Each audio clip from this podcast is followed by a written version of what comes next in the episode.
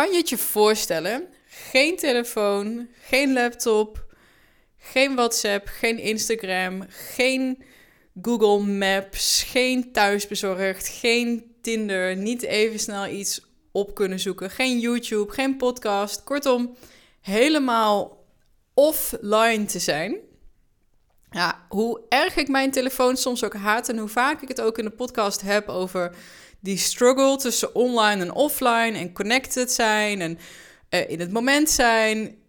Toch kan ik het me niet voorstellen zonder.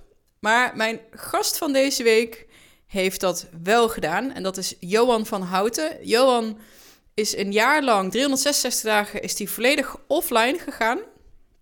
En uh, toen ik van Johan hoorde, dacht ik in eerste instantie dat het een wat oudere man was misschien of zo. Maar het is gewoon jonge kerel, uh, staat midden in het leven en had gewoon zoiets ja, ik ben er gewoon klaar mee. hij schreef er ook een heel mooi boek over, Digiminderen. En uh, ja, ik kon echt niet wachten met hem te praten. Want zoals ik al zei, voor mij is het best wel een beetje een spanningsveld. En hoe moet ik daar niet mee omgaan? Um, en Johan heeft mij best wel wat mooie eye-openers gegeven, ook op dat vlak. Uh, als ik bijvoorbeeld kijk wat ik sinds deze opname al anders doe, het is heel stom, maar ik probeer niet meer met mijn telefoon te navigeren als ik ergens naartoe rijd omdat ik het eigenlijk gewoon idioot vind dat ik al anderhalf jaar naar hetzelfde adres rijd en daar nog steeds mijn telefoon met Google Maps voor nodig heb. Um, dus ik probeer wat uh, zelfstandiger te zijn zonder de online wereld. Nou, er zitten nog meer um, mooie takeaways uit deze podcast, uiteraard. Want we gaan het over veel meer hebben dan alleen maar um, de praktische zaken rondom niet online zijn.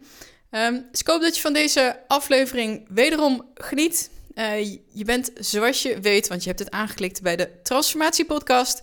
Nou, waar gaat deze podcast over allerlei onderwerpen? Want als je aan jezelf gaat sleutelen en een iets leuker leven wil, dan kom je er ook al best wel snel achter dat onder elk laagje weer een ander laagje zit. En dat als je met het ene thema denkt dat je klaar bent, dan staat het volgende alweer om de hoek. Nou, zo ook in mijn leven. En uh, op die reis spreek ik allerlei mensen met thema's die op dat moment voor mij relevant zijn.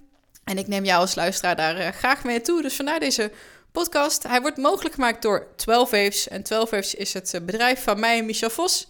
En wij verzorgen bij bedrijven trainingen en masterclasses rondom life crafting, persoonlijk leiderschap, weer de held van je eigen verhaal worden. Michel schreef een heel mooi stappenplan voor zelfsturend succes, meer autonomie, meer weerbaarheid. Um, door hem ooit ingegeven door uh, een burn-out uh, periode van wat wil ik, wie ben ik, waar, wil ik, waar ga ik naartoe en hoe bereik ik dat zonder mezelf over de klink te jagen of te veel stress. En ook nog eens op een manier denk van nou, om lekker in mijn vel te zitten. Dus dat is wat wij doen en met die opbrengsten van onze masterclass en trainingen Um, zorg ervoor dat deze podcast gratis is en blijft. Dus als je dit een toffe podcast vindt, doe je mij een heel groot plezier. Doe gewoon eens even met je HR of je baas eens even ons aanbod onder de aandacht te brengen. Nou, wat je uiteraard ook kan doen, en dat is uh, iets makkelijker, is gewoon even naar je podcast-app te gaan en daar een 5-sterren rating voor mij te manifesteren, voor me achter te laten. Uh, ik heb er bijna 100, zag ik, en het is toch... Ja, toch, het ego vindt dat leuk, maar dat is niet het belangrijkste. Het is vooral goed ook om aan nieuwe potentiële inspirerende gasten ook te laten zien dat jullie luisteren en dat jullie deze podcast waarderen. En dat maakt mij dus wat makkelijker om leuke mensen uit te nodigen. Uh, tot slot, um, ik vind het super cool als mensen screenshotjes in hun Instagram stories uh, delen en mij erin taggen. En even laten weten wat, ze van de podcast vonden. En als ik het op tijd zie, want zoals gezegd, ik probeer ook een soort van balans te vinden tussen online en offline, ga ik hem, zal ik hem ook altijd uh, reposten en even een shout-out doen. Nou, tot zover de introductie. Ik vind het gek dat je weer even met mij en Johan wat tijd door wil brengen. We begonnen trouwens deze podcast buiten hier in de tuin, maar we moesten door een grasmaaier moesten binnen gaan zitten. Dus dat hoor je even, maar heb je volgens mij verder geen last van. Um, als alle, alle, allerlaatste, blijf even hangen tot het eind, want daar deel ik eventjes een link ook voor een gratis masterclass van Dromen naar Doen. En dat hoor je aan het einde van deze podcast. Veel plezier en tot volgende week.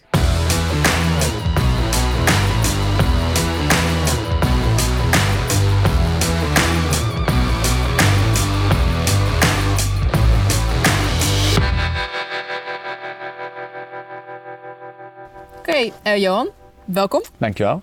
in de Transformatie-podcast. Ja. En eh, wat heeft transformaties nou met digiminderen te maken? Nou, volgens mij echt heel erg veel. Maar wil je jezelf even voorstellen? Ik eh, ben Johan van Houten. Ik ben eh, 36 jaar. Ja, 36 jaar. En ik heb een bedrijf Digiminderen. Daar help ik mensen mee om de balans te vinden tussen hun online en offline leven. En hoe is dat gekomen? Want je zei het al, ik heb een boek. Eh, wat gebeurde er in maart 2015? Eh, nou, ik, ik ging naar de kroeg en eh, ehm, ik merkte dat ik. nee, wacht, ik moet even. Ik ging naar de kroeg en ik fietste naar de kroeg en, om mijn vrienden te zien. Met mijn vrienden te ahoeren, mijn vrienden in de kroeg te ontmoeten. En ik kwam daar en, nou, gezellig. hey, leuk, welkom. We gingen een biertje drinken. En ongeveer na 10 minuten zat de eerste al op zijn telefoon. Eh, en dat is prima. En toen ging de tweede op zijn telefoon, de derde. En toen op zat ik ook op mijn telefoon. En denk, ja, wat doe ik anders? En toen dacht ik even, wat ben ik eigenlijk aan het doen? Ik zit op Facebook, ik zit op eh, WhatsApp, andere eh, afspraken te plannen. Terwijl ik hier met mijn vrienden ben, waar ik voor afgesproken heb, waar ik heen gefietst ben. Wat doe ik hier? Dus ik stop mijn telefoon weg en ik spreek mijn vrienden aan en zeg, hé, hey, hou eens op joh, waarom zit je nou de hele tijd op de telefoon? En zei ze, ja, hallo, moet jij zeggen, je zit altijd op je telefoon, dus niet zo zeuren, hè? Dacht, oh, is dat zo? Hmm. Ging ik eh, nadenken, oké, misschien moet ik dat wat mee. Ik ga eens even naar kijken. En als coach en trainer vind ik het menselijke contact belangrijk. Dus ik denk, nou, daar, ga ik wel, daar wil ik wat mee. En toevallig, of niet toevallig, maar die week daarna was op televisie eh, een man die een week offline ging. Nou, ik heb nog nooit zoveel gelachen in, in, in drie kwartier. Want die man die kon de weg niet meer vinden. eh, afspraken ging niet goed. hij had gewoon overal problemen mee. En En, hoe, hoe was die persoon offline? Weet je dat nog? Was die gewoon helemaal geen telefoon? Ja, geen, Geen telefoon, ge- ge- ja, ook eh, geen navigatiesysteem meer, niks meer. Gewoon helemaal offline. En ik dacht echt, weet je, 15, 20 jaar geleden hadden we het niet eens. Wat, waarom zouden we nu niet kunnen? Wat is dit voor gek? Dus ik vond het echt heel grappig en dacht, nou, oké. En toen ging ik een beetje naar mezelf kijken. Ik dacht, oh ja, ik zou het ook wel wat moeite misschien mee hebben. Dus dacht ik, nou, laat ik het eh, een leuke uitdaging voor mezelf, laat ik ook iets mee gaan doen. Maar een week vond ik grappig, dus dat ging ik niet doen. Een maand dacht ik, nou, het is net zoals nu, was het lekker weer. Dacht ik, nou, een maand ga ik gewoon lekker veel buiten zijn, dan komt het ook wel goed. Dacht ik, nee, dan wil ik ook een beetje een uitdaging, dus ga ik gewoon een jaar. Dus toen heb Van een maand? Nou ja, niet vandaag, misschien een kwartaal of Nee een maar, half toen- jaar. nee, maar ik of- ben dan ook wel van, als ik het doe, dan doe ik het wel gewoon lekker goed. Dus toen heb ik besloten, ja, ik ga gewoon een jaar offline. Ja, En hoe snel was die keuze? Was het echt zo van, oké, padboom, ik ga het gewoon doen? Want een jaar offline, en in 2015, maar nu Ja. al helemaal, volgens Ja. mij heeft iedereen zoiets van, waarom? Hoezo dan? Eh, Ja, maar ik, ik was dus al bezig omdat mijn vrienden dus zeiden, ja, maar je doet het zelf heel veel. En ik dacht, hè, doe ik dat zoveel? Toen had ik een beetje in de gaten gehouden. Toen merkte ik dat ik inderdaad wel veel op mijn telefoon zat. En veel met mijn telefoon bezig was, op mijn laptop, altijd maar online. En dacht ik, ja, weet je, wat brengt het me nou? Want ik, en wat kost het me? Daar was gewoon heel nieuwsgierig naar. Ik ben altijd heel nieuwsgierig en ik ben wel van de radicale dingen. Dus soms denk ik, nou, weet je, we proberen het gewoon. We zien wel hoe het Ja. gaat. Ja. En dus de keuze was wel. Door het gesprek met die vrienden in de kroeg was het een beetje op gang gezet. En toen op televisie die man. dacht ik, ja, hier moet ik wel mee. Toen dacht ik, weet je, laten we het gewoon doen. En toen dacht ik, oké, joh, nu kun je twee dingen doen. Je kunt het gaan doen. En dat je ook echt op binnen korte termijn gaat doen. Of je gaat er heel veel over nadenken en dan wordt het niks. Nou, binnen drie weken was ik offline. Dus ik, eh, ik dacht gewoon, nu gewoon snel doen. Niet veel over nadenken. En, want anders dan ga je allemaal, waarom, waarom niet? En, eh, nou, en, en ik vond het heel grappig. Mensen zeiden, het kan niet, het is onmogelijk. En eh, je kunt niet meer leven, je kunt niet meer meedoen. Toen dacht ik, dat, dat geeft me heel veel energie om het juist wel te laten zien dat het wel kan. Of, of erachter te komen dat het niet kan. Maar, en toen ben ik dus offline gegaan. Ja. Hoe was dat? Heb je er een, een dingetje van gemaakt? Een ritueeltje, een event? Want je hebt natuurlijk ook hè, je boek erover geschreven. Ja. En volgens mij toen je weer online ging, was er ook de pers was Ja, erbij. ja, ja, Van, ja, oh, ja, hij gaat weer online. Maar hoe, hoe kan je even dat moment vertellen? Ja, ik, nou, ik had ehm, eh, 25 april om 12 uur s middags had ik bedacht, eh, ga ik offline. En dan ga ik eh, een jaar offline. Dan had ik mooi, ook met data en getallen en zo kwam het mooi uit. Eh, 125 dagen nog, nee, 250 dagen nog dat jaar en 125 dagen het jaar daarna. Komen we later wel op terug. Maar, ehm, en ik had bedacht om 12 uur, nou, eh, ik ga daar gewoon eh, thuis zitten eh, in mijn uppie, want ik wou het wel alleen doen. Ja. En eh dan ging ik achter mijn computer zitten en ongeveer twee uur van tevoren, oké, wat ga ik nu nog doen? Ja, eh, op Facebook kijken. Nog even snel even als snel, een junkie. Wat ga ik eh. zoeken? nou, en ik had ook, oké, ik had wel van tevoren had ik wel een paar dingen geregeld. Dus ik had met de bank geregeld dat ik eh, eh, papieren afschriften kreeg. Dus dat alles, eh, dat ik nog steeds bankzaken kon doen. Eh, ik had een vaste telefoonlijn aan laten leggen en de mobiele telefoon eh abonnement stopgezet of eh, afgezegd. Ehm had ik nog meer gedaan? Nee, volgens mij. Dat, en ik had voor mezelf wat afspraken gemaakt. Oké, ik mag dan niet online. Ik mag geen andere mensen vragen om online te gaan. Ehm, eh, tenzij het zijn werk is. Dus stel een conducteur eh, die vraagt: oké, hoe laat gaat de trein? Hij kijkt op zijn digitale apparaat. Dan kan ik zeggen: ja, eh, dat mag niet. Je moet even je boekje pakken. Maar die hebben ze niet meer. Die ligt ergens in het archief. Dus Ja. nou, ik moet zeggen, ik, toevallig zag ik laatst dat ze die wel nog hebben. Alleen het verandert gewoon zo snel dat ze dat niet gebruiken. Ja. Maar dat, dan mocht ik het wel ge- vragen, maar verder mocht ik dat niet. Eh, en, en pinnen mocht ook, want ik had uitgezocht, de pinnen is, is via internet. Maar ehm, als ik naar de bank ga om geld vroeger hadden ze geld liggen en dan kon je een zak geld krijgen. Maar tegenwoordig kan het niet meer. Dan gaan zij naar de pinautomaat met hun pinpas, pinnen zij geld en dan geven ze je het geld. Toen dacht ik, ja, dat vind ik een beetje... Ja. Want je had echt iets van, ik wil gewoon helemaal niet online. Ja. Want ik denk, als ik het nu zou doen, zou, zou waarschijnlijk mensen zeggen van... hé, hey, ik wil niet op social media bijvoorbeeld. Ja, ja. Echt heel bewust. Ja, want, want ook, zeg maar, de, de, ehm, ook de mobiele telefoon niet, zeg maar. Omdat ik merk dat, dat voor mij was het allemaal... Het, had met elkaar te maken. Social media deed ik een deel op computer en deel op mijn telefoon. Dan denk ik, ja, dan kan ik een, een eh dumbphone kopen. Of zo- zo'n telefoon waar je alleen maar kunt bellen en sms'en. Dacht ik, ja, maar ik ben ook wel benieuwd... Wat doet het met die rust als je op pad bent en, en geen, niet bereikbaar bent? ja. Wat doet dat met je? Doet dat überhaupt iets met je? Of is dat gewoon... Ja, daar was ik heel benieuwd naar. Ehm, ja, en dan zat ik dus tien voor twaalf, of een, een paar uurtjes voor, voor twaalf. En dan dacht ik, ja, ik wist echt niet meer wat ik moest doen. Dus nog maar een mail checken. Ja, nou, als je vijf keer je mail checkt in een kwartier, dan komt er niet heel veel binnen. Tenminste, mij op dat moment kwam er niet heel veel binnen. Ook geen e-mail. Ja. Hmm. Ja, dat vergeten veel mensen, dat e-mail is internet. Zeg maar, ja, gaat ja, via ja, internet. ja, Dus- ja, ja. Ja, ja. En ik, op dat moment, da- eh, ik had nog niet zo heel, soms denk ik dan iets minder na blijkbaar. Dan denk ik niet over al die consequenties en hoe, maar ik denk dan ook, ja, het lost zich wel op en we zien Mm. het wel. En Ja. ja, dat, dat, uiteindelijk bleek dat ook. Maar op dat moment eh, wist ik dat niet. Maar ik had wel verwacht om 12 uur, nou, dan, dan klap ik hem dicht en dan gaat het helemaal geweldig worden. Nou, eh, ik weet nog, 10 voor 12. Ik had een 10 minuten. Ik wist echt niet meer wat ik zou moesten doen. Want ja, nog een keer Facebook bekijken. Op een bepaald moment, die, die tijdlijn kun je wel opnieuw scrollen. Maar op een bepaald moment zie je wel herhalende Ja, berichten. Ja. Dus dacht ik, ja, het schiet ook niet op. Eh, en toen kreeg ik nog een berichtje via WhatsApp van een vriend van mij. En die wenste mij succes. En ik weet nog dat ik daar vijf... want Die kreeg ik echt één of twee minuten voordat ik offline ging, kreeg ik die. En toen dacht ik, succes? Waar heb ik succes voor nodig? Weet je, ik ga gewoon offline. Ik ga niet emigreren. Ik ga niet, weet ik, ik ga geen, ik ga geen berg beklimmen of weet ik. Ik ga geen gekke dingen doen, dacht ik. Ehm, en- want 15 jaar geleden deed iedereen dit. Was het gewoon, was het er niet eens. Dus, dus ik was er een beetje over aan het pijn. En opeens was het 12 uur. Ik schrik me echt. Oh shit, 12 uur. Dus laptop dichtklappen, telefoon uitdoen, alles in de kluis doen. En dat was het. En ik had een beetje verwacht, nou, er gaat iets gebeuren. De, een goed gevoel. Of, eh, oeh, en, nou, ik zat er achter mijn bureau en dacht, nou, oké.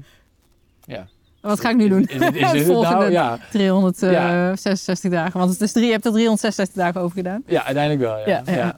Maar het, ja, en, toen, zat, en toen, toen ben ik op de bank gaan zitten. Dacht ja, en, ik, zat, ik weet nog, ik heb heel erg zitten mijmeren over dat succes. Dat, dat zat me dwars. Hè, succes, heb ik succes ik kon ook nou? niet even bellen natuurlijk. Nee, nee, dus het was echt klaar. En ja, oké. En toen, ik weet nog, dat was een ander ding. Ik weet nog dat ik heel erg bang was of ik mijn auto-reply van mijn mail wel had aangestaan.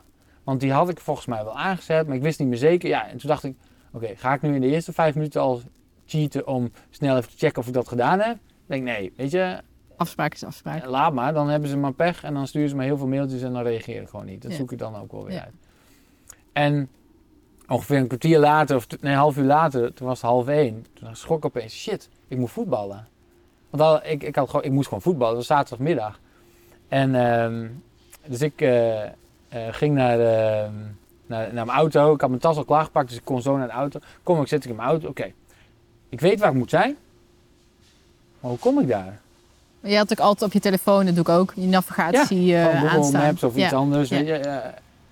En ehm oh, daar gaan ze nu de gas Oh, maken. uiteraard.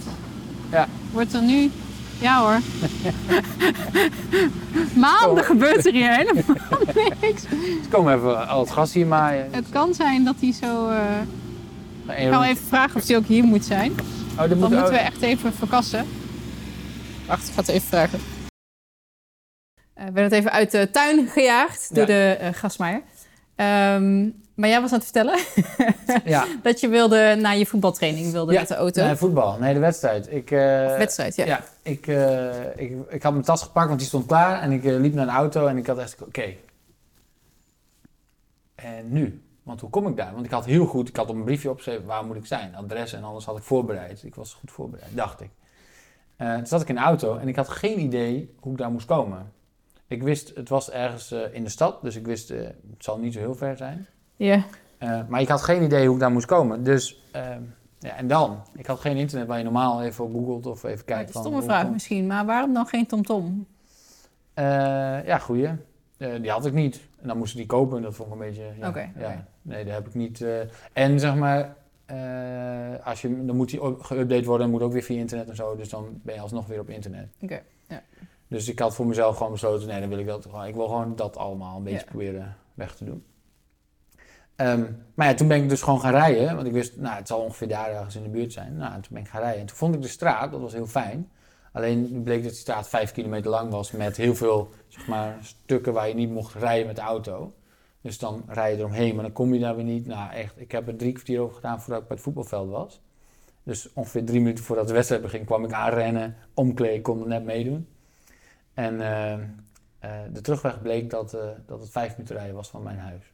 Ja, dat maar was... zit je dan niet, want ik ben echt eh, een paar maanden terug of zo was mijn telefoon eh, of een stuk of iets, waardoor ik dus niet kon navigeren en ook niet kon opladen. Ja, Eh, toen ben ik wel echt verdwaald, maar ook echt verdwaald. En ik weet nog dat ik me vooral echt op zat te vreten ook.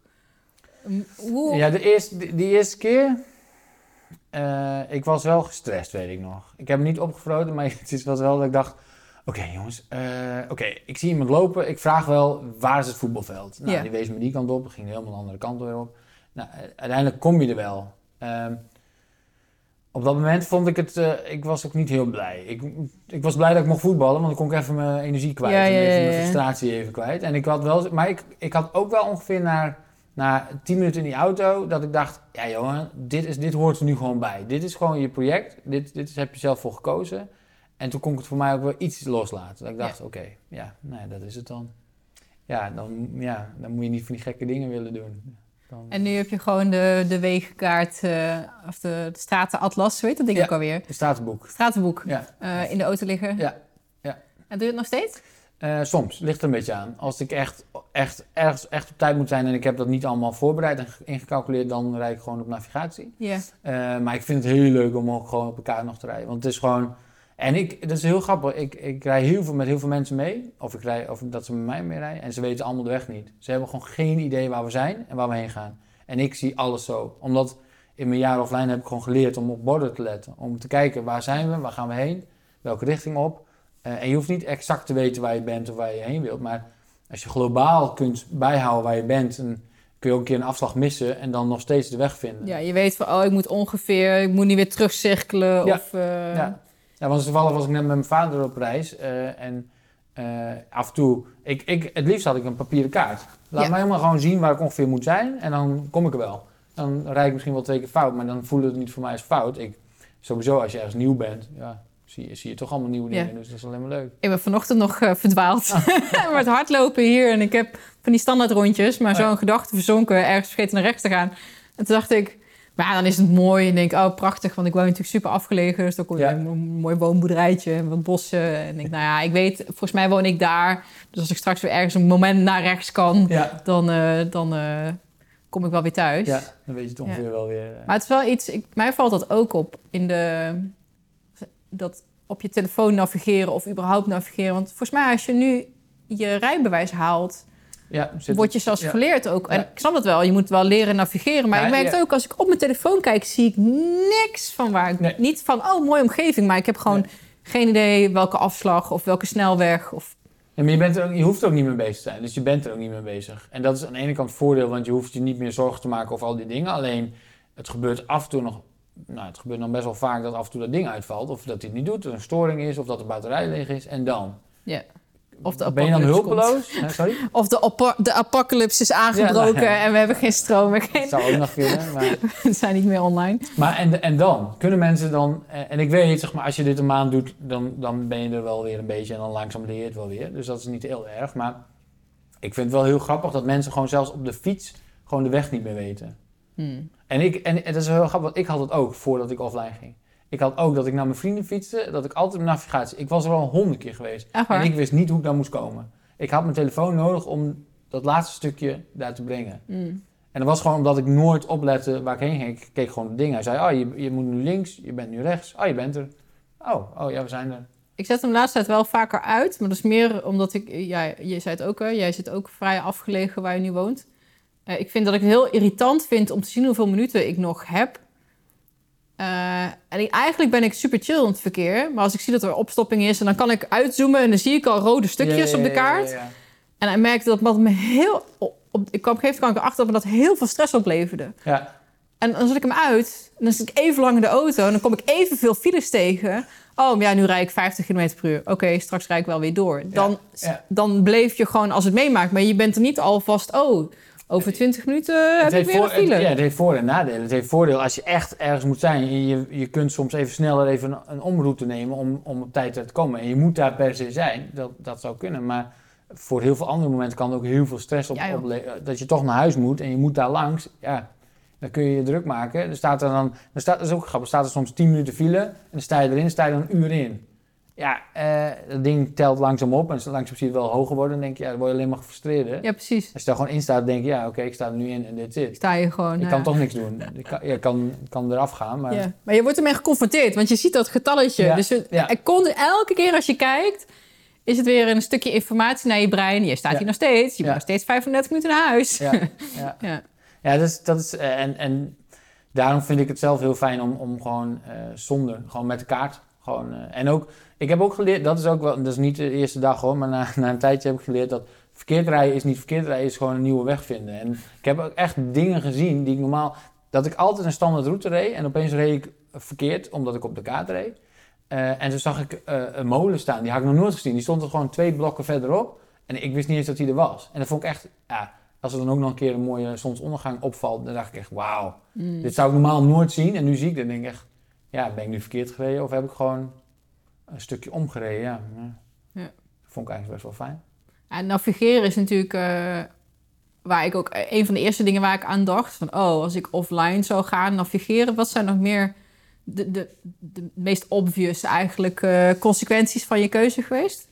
Niet bereikbaar zijn of bereikbaar zijn.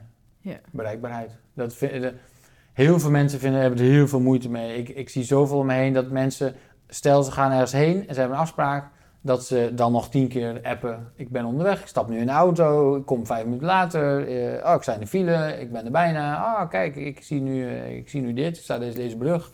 Nou, een fotootje sturen of zo. Eh, ik denk, oké, ik heb een afspraak, ik kom. En als ik te laat ben, dan heb ik waarschijnlijk een goede reden dat ik te laat ben. En eh that's it. Ja, dat is wel echt super herkenbaar. Wat je, want ik zat door je boek te lezen. En ook dat stukje even te lezen. En denk, ja, dat is inderdaad wel zo. En vooral als je in zo'n groepsapp zit en je hebt afgesproken dat. Oh, ik ben er bijna, ik ben er over vijf minuten, ik ben wat laat. Weet je, dan. Ik, ik vind dat ook echt super irritant. en ik maak mezelf ook wel schuldig aan. Niet in, niet Ja. in de hoeveelheid die ik soms ook wel eens eh, elders zie. Ehm, maar eigenlijk is het gewoon onzin natuurlijk. Ja, ik, ik, eh, ik snap het aan de ene kant wel, want het is ook gemakkelijk. Hè? Je weet gewoon altijd heel efficiënt. Want je weet gewoon waar je aan toe bent. Je weet waar iedereen ten alle tijden is ja. en wat ze aan het doen En je zijn. kunt, zeggen, je kunt ze zelf allemaal een locatie aan laten zetten. En dan weet je van, oh, we zijn er bijna, we zijn bij, bij elkaar. En dan, maar ja, en dan? Dat je dat weet. Wat, wat, wat heb je aan die informatie? Mm. Je weet hoe lang het ongeveer nog gaat duren of zo. Maar ja, ik heb heel veel afspraken gehad eh, in mijn offline jaar. Dat was echt heel grappig. Dat gewoon iemand eh, niet op kwam dagen. En normaal zou ik daar heel ge- geïrriteerd van worden. Maar die mensen kunnen mij niet bereiken. Dus ik denk, ja, nou ja, oké, zal het wel vergeten zijn of zo. Ja, en dan bel ik eh, eh, s s'avonds of een dag later met mijn vaste telefoon. Ehm, en dan bleek dat ze vergeten waren. Ja, oké. Heb ik me druk gemaakt? Nee. Ik heb daar gezeten, ik heb gezitten wachten. Een half uur, we zouden lunchen. Dus Ja. na een half uur dacht ik, nou, ik krijg toch wel een beetje trek. ben ik maar gaan bestellen. Heb ik maar besteld. Denk, nou, als het nu nog komt, dan nou, ja, we- kan het nog steeds gezellig worden. En eh, uiteindelijk heb ik een heel, hele ontspannen eh, middag gehad. Ik heb gewoon een boekje gelezen. Ik heb daar eh, nou, lekker gezeten. En toen daarna ben ik weggegaan. En later hadden we het erover. En zei ze, ah, ik ben het helemaal vergeten. En voelde zich heel schuldig. En ik dacht echt, ja, ik heb een prima middag gehad hoor. Dus, Wij noemen eh, dat eh, eh, onderling eh, hier de, de ge- ge- gevonden tijd. Ja, Als je eigenlijk een afspraak hebt of iets staan of een training en dat gaat dan niet door. ja. Dan denk ik, oh, gevonden tijd, weet je Ja. wel. Dat, dat is een soort van cadeautjes van, oh, dan kan ik nog even een uur of een half uur of, of een hele dag ja. Iets doen waar ik dan wel een boekje lezen of Ja, gewoon lekker werken, maakt niet uit. Gevonden tijd, als een afspraak niet doorgaat. Ja, maar en de vraag is dan, want heb je dat dan normaal niet? Heb je, heb je, heb je het altijd zo vol gepland? Dat, dat zie ik om me heen wel. Heel veel mensen die Nou, hebben ik helemaal- zelf niet, maar heel veel mensen hebben het vol gepland.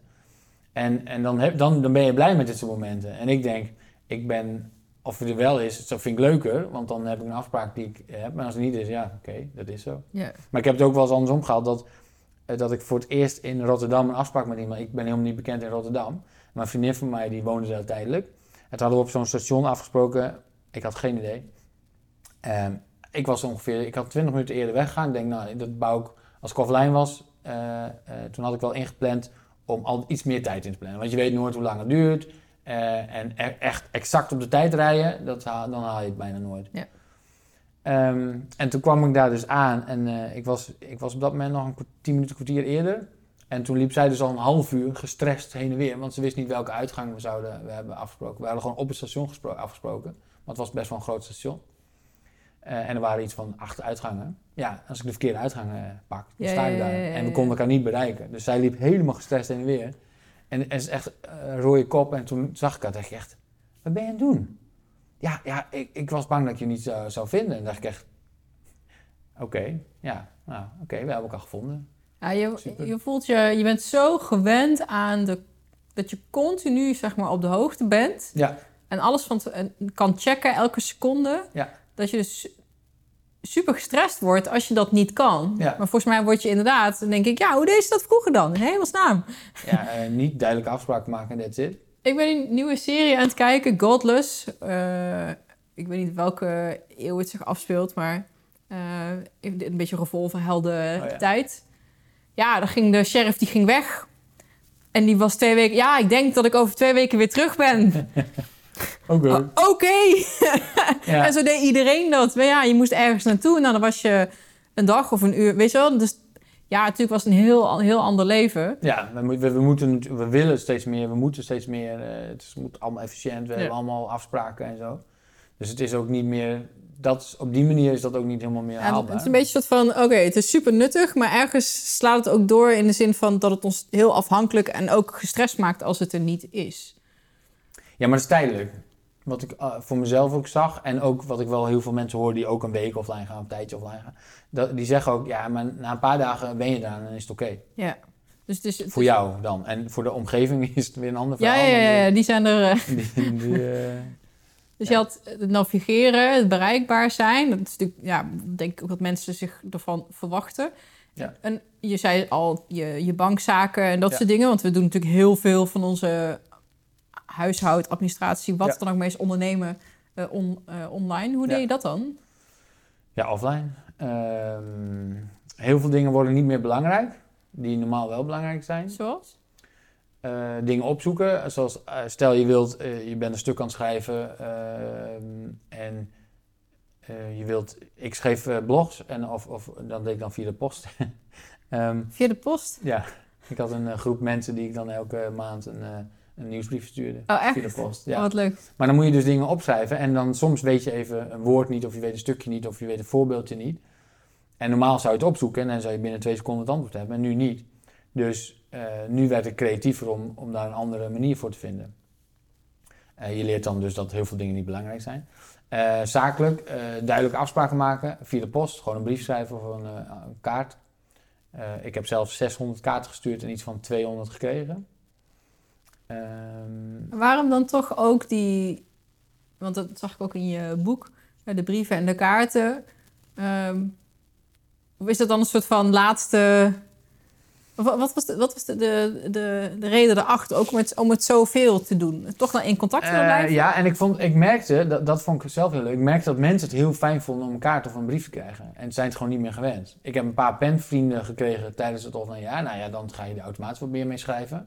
Waar je normaal via WhatsApp een berichtje stuurt, dan is het, hey, hoe gaat het? Ja, goed, oké, met jou, doei. Ja, maar maar dit- stuur je niet in een brief. Nee, nee, nee, nee. Het gaat een stuk dieper, zeg maar. Dus Ja. je gaat veel meer vertellen over waar je mee bezig bent. Over misschien over je dag of over ja, wat je allemaal aan het doen bent. En eh, waarom?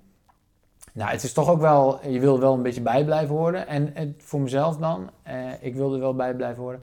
En het, ik merkte dus dat heel veel mensen, ik kreeg echt hele, hele mooie reacties van mensen die, die niet een, een kaartje van mij hadden verwacht. En opeens uit niets, niet met kerst of niet met een verjaardag, gewoon een kaartje kregen. Van, hé, hey, ik moest aan je denken. Want dat, eh, ik denk wel vaak aan mensen, Mm. alleen dan doe ik er niks mee. Ja, Of dat heb ik ook. app- Of Dus stuur ja. een appje of zo. En, mm, maar dan is het meer, hey, hoi, doei, en dat- that's it. Gewoon een beetje heel kort, voor mij niet zo heel diep, diep, diep gaat. En niet dat die kaartje nou zo diepgaand was, maar het was meer, ik dacht, ik, ik stond ergens in de rij en toen zag ik iets en toen dacht ik meteen aan jou. Dacht ik, ik heb zo'n leuke herinnering toen en toen aan jou.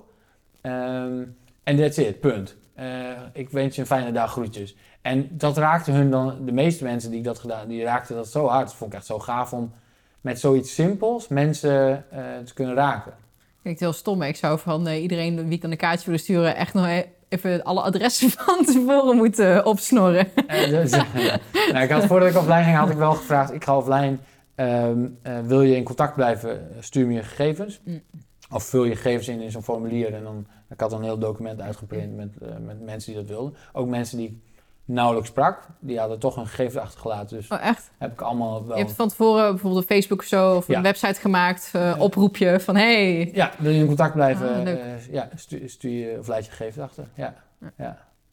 Dus de, en, en dat was ook heel grappig. Dus ik heb al die mensen ook sowieso een kaartje gestuurd in het jaar. En wanneer, nou, dat had wat niks in had. Ja. Dus het kon zo zijn dat ik een dag gewoon alleen maar kaartjes ging schrijven. En dat er dan ook een week of twee dat ik niks deed.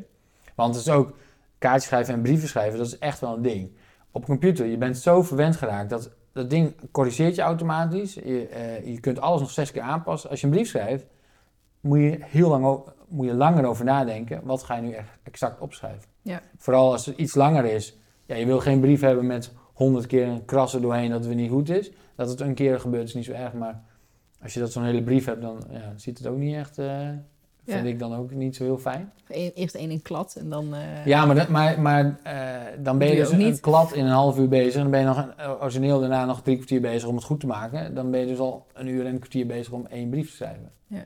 ja dat is veel tijd. En ik vind het wel interessant, want hoe heb je dan ook... Want je hebt in die periode ook je boek geschreven. Ja. Eh, nee, die heb ik na het huis. Oh, dan, eh, niet, niet tijdens... Je hebt natuurlijk Ja, ik heb, heel veel, ja, ik heb heel veel stukken natuurlijk Ja. gebruikt vanuit mijn jaar. Want ik heb me gewoon mijn, mijn soort van dagboek bijgehouden. Wat gebeurt er, wat vind ik ervan. Eh, en dat heb ik later eh, gebruikt voor mijn boek, ja. Ja, ja, ja. En dat, oh, dat dagboek was dus dan ook gewoon met de hand. Ja, ja, ja. Ja. Ik journal nou niet heel veel, maar met vlagen. Maar precies, precies wat jij net zegt. Je, en dan maak ik er bijna een soort van... Op een gegeven moment een soort van sport. Van, oh, ik heb nu al... eh, weet ik veel, de afgelopen twintig pagina's geen enkele doorhaling. En dat Ja, wil je dan ook niet. ja. En dan schrijf je ook anders. En het lukt ook. Je kan prima, dat, ga- dat gaat perfect. Ja. Het hoofd gaat veel sneller. Ja, en je moet soms even, eh, je moet er even aan wennen. Je moet er tijd voor nemen. Want ik heb eerst, eerst eh, geschreven, toen op een bepaald moment via een type, typemachine gedaan. Nou, dat was helemaal niks, want eh, toen was een correctielint op. Nou, dan ben je hetzelfde probleem met een computer. Eh, maar een computer kun je ook nog zinnen gewoon helemaal omgooien, helemaal, maar dat Ja, kan een dat- typemachine ook niet. Als ik moet typen op de computer, dat ziet er niet uit. Ik ben geen goede copywriter. Nou, hele stukken. En, en je Ja. wil dan zinnen die je al hebt, ge- snel hebt getypt, die wil je vervolgens ook niet meer deleten. Ja. Dus die moeten er ergens in. Dus het maakt je ook wolliger, heb ik gemerkt, in hoe ik schrijf. Oh ja, ja. Nee, het, voor mij was het echt, ja, ik zit te denken, voor mij was het echt dat, dat als ik schreef, ik, het gaat allemaal heel langzaam. Je neemt er tijd voor. En je neemt overal de tijd voor. Dat is ook, als je van A naar B moet, neem je ook de tijd voor. Je neemt overal gewoon net wat meer tijd voor. En je, daardoor gaat mijn tempo iets om naar beneden. En doordat mijn tempo, ben ik relaxter en ging alles een stuk beter. Mm. En voelde ik me relaxter, eh, ja, was eh, Is dat ook je grootste, die vraag is vast al heel vaak gesteld, maar je grootste leerpunt daarin? Mm. Die relaxedheid ervaren? Ja, ik- levend hier en nu. Ja. Dat was echt een ding dat ik dacht, oké, dat heb ik echt geleerd. Gewoon, ik kan hier gewoon op de bank zitten en gewoon, wat is er allemaal omheen? Oké, dat is het. Daar heb ik hem mee te doen. Ik heb niet social media, ik heb geen mail, ik heb geen digitale middelen om naar de toekomst te kijken of terug te kijken. Ik heb Ja. misschien een fotoalbum waar je dan eens doorheen bladert, maar dat je, is dan je ongeveer. hebt dan wel weer een hoofd. Wat heel graag naar de toekomst en het verleden wil Ja, maar, kijken. nee, maar, ja, maar die, die remt daardoor ook af. Wij denken dat het allemaal sneller moet, maar dat, die remt ook af. Die gaat ook meer in het hier en nu zijn. Hmm. En dat, dat, dat merkte ik dat, dat ik dat heel fijn vind. Ik voelde me beter, ik sliep beter.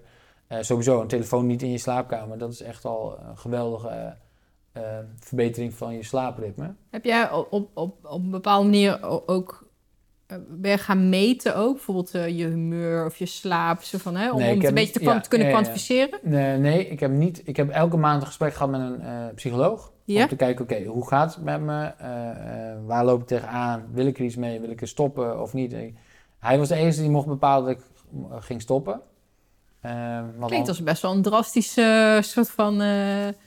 Nou, het is meer zeg maar, het was ook, want heel veel mensen zeiden ook, ja, maar je, je gaat echt, je kunt ook wel depressief worden en weet ik het allemaal wel. Oh. Dus eh, als je tijd alleen, nou, alleen bent en je hebt minder contact met iedereen en iedereen gaat gewoon door, eh, daar waren veel mensen bang voor. En ik, nou, ik, ik heb iemand gevonden die dat leuk als, als project vond om mee te ondersteunen. Ehm, ja, en we hebben heel veel leuke gesprekken gehad. Oké, waar loop ik nu tegenaan? Wat, en hij stelde heel goede vragen van, oké, wat, wat wil je er nu mee? Vind je nu dat we daar, moet je nu stoppen of niet? En ik zeg, nee, ik, wil niet, ik, ik heb volgens mij één keer een moment gehad dat ik wou stoppen. Ja.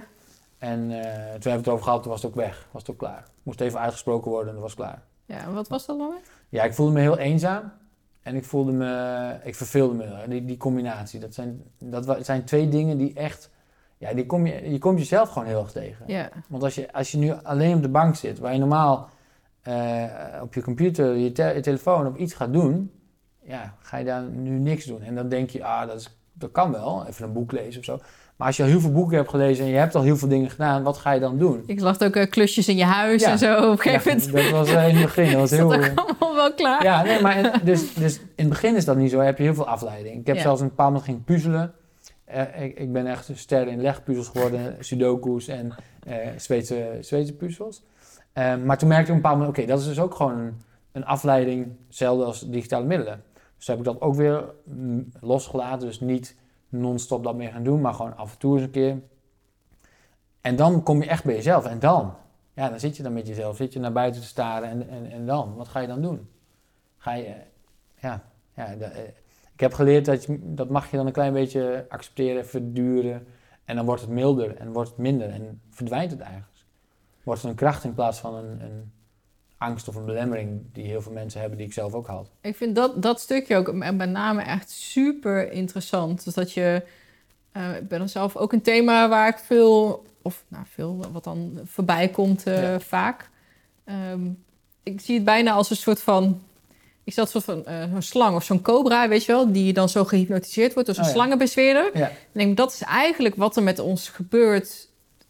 We hebben allemaal een soort van slangenbezweerders Ja. voor ons. ja, Eh, in de telefoon, in de computer, maar ook ergens van, oh, dat mailtje die je nog moet beantwoorden. Het Mhm. zijn allemaal, dus, ja, die vraagt je aandacht, maar het hypnotiseert ook een beetje. De televisie hypnotiseert, maar een boek ook. En puzzels ook, weet je. Dus, en ja, waar, is, waar stop je dan? Wat is te veel? Maar het feit dat er zoveel aanspraak op je wordt gedaan. Ja. ehm, ja kan en wat, ja, en, en wat is blijft er dan over als je dan daar even allemaal niet mee bezig bent en dan word je dus gedwongen om naar jezelf te kijken? En dat is wel eh, een bijzondere ontdekkings... Ja, en wat blijft er dan Stuk. over? Dat is een goede. Ja, dan eh, voor mezelf, eh, dan blijf je echt met jezelf. En that's it. En daar moet je dan mee dealen.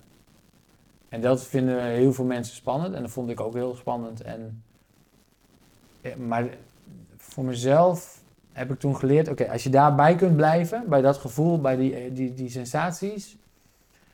dan wordt het allemaal minder. Het, zeg maar, in ons hoofd maken we het groter, in ons lijf maken we het groter. En als je erbij kunt blijven, zul je zien dat het langzaam minder wordt. En dat het minder spannend wordt, minder eng wordt. en dat klinkt heel abstract, maar Ja. erbij blijven. Ja. Hoe, hoe doe je dat? Ja. Ehm, nou, niet, niet de afleiding zoeken op dat moment. niet En- gaan schrijven Nee, of, of nee, eh, lopen. of zo. Ben je wel gaan wandelen bijvoorbeeld op dat soort momenten? Dat helpt mij Nee, nee, bijvoorbeeld. ja, eh, op dat soort momenten niet. Ik wou er echt even inzakken. Daar heb Ja. ik ook, op een bepaald moment had ik ook met de psycholoog wel eens een paar keer over. Dus oké, eh, ga eens kijken wat het met je doet als je gewoon erbij blijft en gewoon niks doet. Gewoon ervaar maar. Ja. En dat is, dat is wel lastig, want je doet altijd wel iets. Maar ik ging dan gewoon, oké. En niet, ook niet met mijn gedachten de hele tijd over de boodschappenlijstjes en dat soort dingen denken. Sowieso, mijn gedachten waren al een stuk rustiger. Omdat er gewoon veel minder prikkels waren. Maar dan echt daarbij kunnen blijven en dan, oké. Oké, ik, ik, ervaar dit nu, wat gebeurt er nu mee? Oké. En niet meteen wegdenken, oh, eh, wat moet ik ermee? Ik wil er iets mee. eh. En dat ik, ik vind het ook moeilijk om te, uit te leggen wat ik dan op dat moment deed. Want dat gebeurde op een bepaald moment. En dat is ook een proces geweest. Het is niet vanaf de ene dag op de andere dag dat ik opeens dacht... oh, laten we dat even gaan doen. Ehm, ja, elke keer een stapje verder daarin. En op een bepaald moment dacht ik... wauw, ik voel me nu eenzaam. Maar ik, vind- het is helemaal oké. En ik voel me helemaal oké erbij. Wauw, en toen dacht ik, oh wauw, dit is echt... eh, Ja, dat, deed- dat raakte me dan ook. Ik dacht ik, wauw, dit is echt heel gaaf. Van, en, ja, gewoon, gewoon daarbij kunnen zijn. En voor mezelf heb ik dan ook de, bedacht of kunnen bedenken dat, dat ik dacht, oké, dit zijn allemaal dingen die wij heel graag wegstoppen. Die we, die we niet willen zien, niet willen voelen, niet willen meemaken. Alleen als je er doorheen kunt gaan of bij kunt blijven, dan kan het een kracht worden. Waar we nu denken dat het onze zwakte is of zo, dat we daar Mhm. niet bij mogen, eh, mogen zijn. En hoe, hoe is dat dan bijvoorbeeld voor jou? Of hoe heb je dat om, of hè, een kracht worden? Of het, ik hoor ook wel eens, hè, het lost op. Ja. Ehm, hoe, en op wat voor manier wordt het dan een kracht? Ehm, ik merkte dat als ik daarbij kon blijven, dat ik nog dichter bij mezelf kon zijn. En dat klinkt misschien ook wel heel vaag en abstract, maar gewoon dat ik dichter bij de essentie, bij mezelf, bij mijn binnenkant kan zijn. Ja, ik, eh, Ja, nee. Moeilijk om uit te leggen misschien. En in deze podcast is het helemaal... Oké, eh, ja.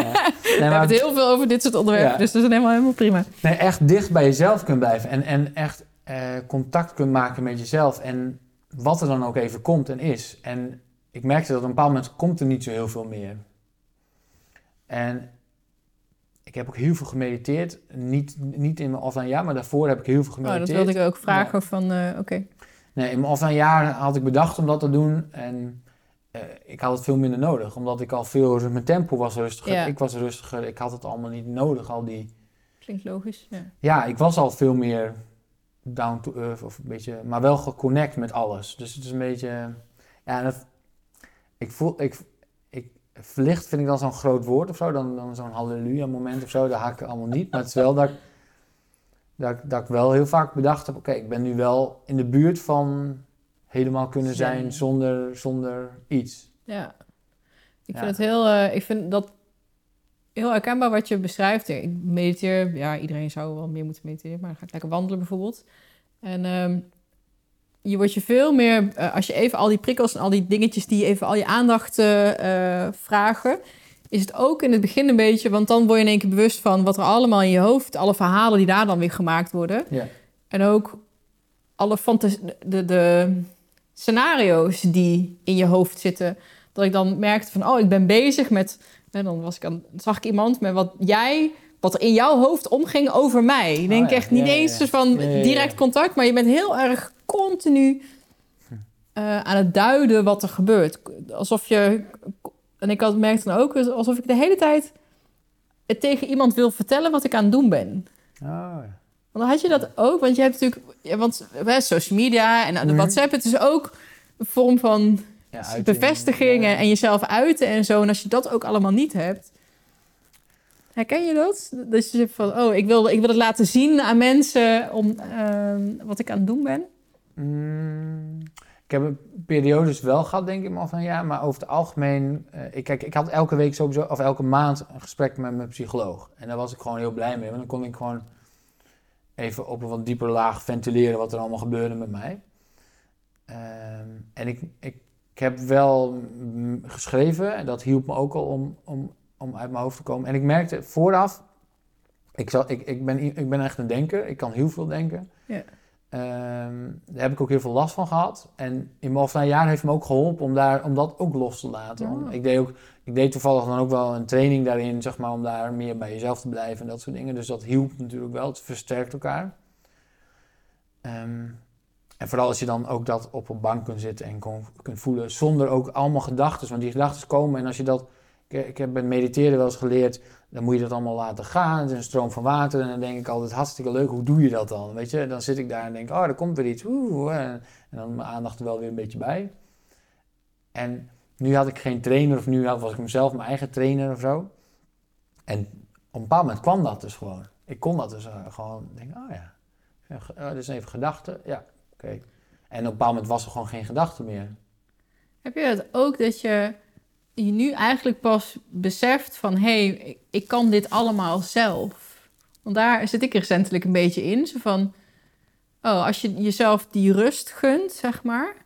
En ook even alle, alle, die stilte mhm. opzoekt. Eigenlijk hebben we het daarover. De stilte in jezelf opzoeken. En als je dan even door de eerste uh, warrelingen heen bent, zeg maar, al het ego-werk van uh, over de toekomst en verleden en dingen. En daar dan even doorheen en echt een beetje die rust. Denk, oh, maar ik weet eigenlijk alles. En dat klinkt heel, heel stom, maar ik weet hoe ik mezelf moet managen. Ik weet hoe ik mezelf moet coachen. Ik weet wat, weet je, dus denk ik zo van, oh, mag daar, je mag daar wat meer op vertrouwen of zo. Dat dat allemaal gewoon wel goed komt. Ja. Ah, en dat je dat ook allemaal weet. Ik krijg kippenvel van als je het zegt, maar... Uh... Ja, nou, ik, ben ook, ik ben ook een ontzettende denker. En, en dan, ik ga dan, dan dat hoofd wel lekker gaan filosoferen en alle dingen doen. Maar dan ik echt, oh, ik weet allemaal dingen. Waar komt dat? En dan komt er een gedachte binnen. Waar komt dat nou weer vandaan? En dit is al een of andere... Ja, mensen, oh, ik heb een inzicht of een inspiratie. Maar ja, dat kan je pas vangen of zo op het moment dat je dus die rust hebt. Dat het hoofd niet afgeleid wordt door vijf miljoen dingen die onze aandacht vragen. Ja, nee, maar dat, dat is het ook. We, we zijn, wij plannen ons leven zo, zo in tegenwoordig dat alles moet. In, en, en eerst gewoon de, de, de basisdingen om je heen. Dan heb je daarnaast je gedachten nog. Die, je wordt opgeleid in de scholen en zo. Je moet nadenken, je moet, je moet goed kunnen denken. Dat is belangrijk. Dus je traint heel erg je denken. En dat is heel goed voor als je aan het werk bent en je moet moeilijke uh, sommen oplossen of je moet moeilijke constructies bedenken. Dan heb je dat zeker nodig. Ja. Maar als je dan teruggaat naar je eigen als persoon, dan denk ik dat, dat dat soms weer in de weg zit. En mag je dat dan weer een beetje afleren. Dat is, ja, dat is wel een, uh, is voor mij al jaren een zoektocht om daar... En ik merk dat ik daar nu wel doorheen ben. Ik merk dat mijn hoofd nu echt heel rustig is. Uh, ik merk nu dat ik nu alweer er komt, daarna komt er weer wat nieuws. En zo blijven volgens mij altijd lekker in transformatie lekker doorgaan. Ehm, ik merk nu, ik ben nu, probeer spiritueel uh, meer open te staan om daarmee bezig te zijn. En nog meer connecten met jezelf of met alles om ons heen. En ik merk dat ik daar nu mee heel erg mee bezig ben. En dat, dat, heel, heel, dat ik daar een hele grote stap in heb gezet. En ik merk nu al dat ik dan denk, oké, wat is next? Wat komt er nu? Want je vroeg net dat denken in je hoofd, uh, die rust en zo, dat alles in je zit.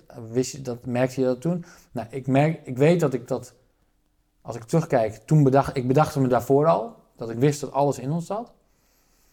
Alleen, iemand kan het tegen je zeggen, je kunt het zelf bedenken. Alleen, als je het daarna niet ervaart of voelt of, of meemaakt, dan denk je, ja, dat is een mooi gezegd of zo. Dat is een mooi tegeltje aan de muur. Dan denk ja, en dan? Wat ga je daarmee doen? Dus je moet, je, als je het integreert in je lijf, dan, uh, denk, dan, dan kom je een stap verder. Of niet alleen je lijf, maar je hoofd, je lijf, je hebt alles nodig. Ja. De combinatie. Ik vind het heel uh, mooi dat je dat zegt. En dan, uh, als je dat nog nooit hebt meegemaakt, hoe dat voelt, je kan ook niet uitleggen. Ja, integreren in je lijf, wat is dat nou? Hoe dan? Wat dan? Maar dat weet je pas op het moment dat je dus inderdaad, dat je het echt ervaart van, oh, zo zit het. Of, oh, dit is het. Of, oh. Ja, en niet alleen maar het conceptueel snappen. Dat is stap één. Je moet natuurlijk eerst wel gewoon de kennis. Je kan niet meteen uh, nee, nee, uh, dieper in. Maar, uh... Nou ja, het kan wel, maar veel mensen zijn denkers of hebben toch een associatie met denken. En dan is het handig om eerst te snappen wat er gebeurt. Alleen het is soms ook met al die processen dat het niet uit te leggen is. Het is gewoon, wat gebeurt er? Ja, geen idee. Wat ik echt gaaf vind trouwens ook, die link had ik eigenlijk nog niet eerder gezien. Wat jij uh, doet, ik heb met David Allen gesproken van Getting Things Done. Oh ja, ja, ja. Um, en in dat gesprek kwam heel duidelijk naar voren of ja, het lijkt een productiviteitsmethodiek. Ehm, maar waar het eigenlijk voor gebruikt, is mensen gewoon clear space, gewoon zen, meer rust Ja, in hun hoofd te geven. Van, oh, en uiteindelijk ook jouw dingen die minder, dus, hè, minder eh, online aanwezig zijn. En waarom? Nou ja, het is wel heel erg fijn als je rust hebt en dat je dichter bij jezelf kan komen en eh, wat veel relaxter bent. Het is heel grappig dat dat een totaal andere hoek, maar dat we wel allemaal naar die, dat, dat die rust toch wel verlangen of zo. Nou, misschien niet eens rust, maar helderheid. Helderheid, ja, het klinkt allemaal zo ontzettend afgezaagd, vind ik altijd. Ja, de, de, de ruimte Ja, in jezelf en eh, voor jezelf. Want we plannen ons leven zo erg in met alles om ons heen, dat alles moet en dat je weer zo druk bent.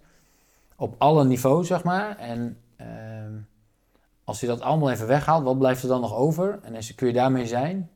En als je daarmee kunt zijn, dan is alles daarna ineens een stuk makkelijker. Dan kun je al die drukte weer aan, want dan is het, dan is het Ja. weer makkelijker om dingen aan te kunnen. in die zin is het volgens mij voor heel veel mensen een burn-out bijvoorbeeld een cadeautje. Want dan zit je in één keer thuis en doe je, als je daar goed mee omgaat en daar op de juiste manier naar kan kijken, is dat gedwongen stilstaan. Ja.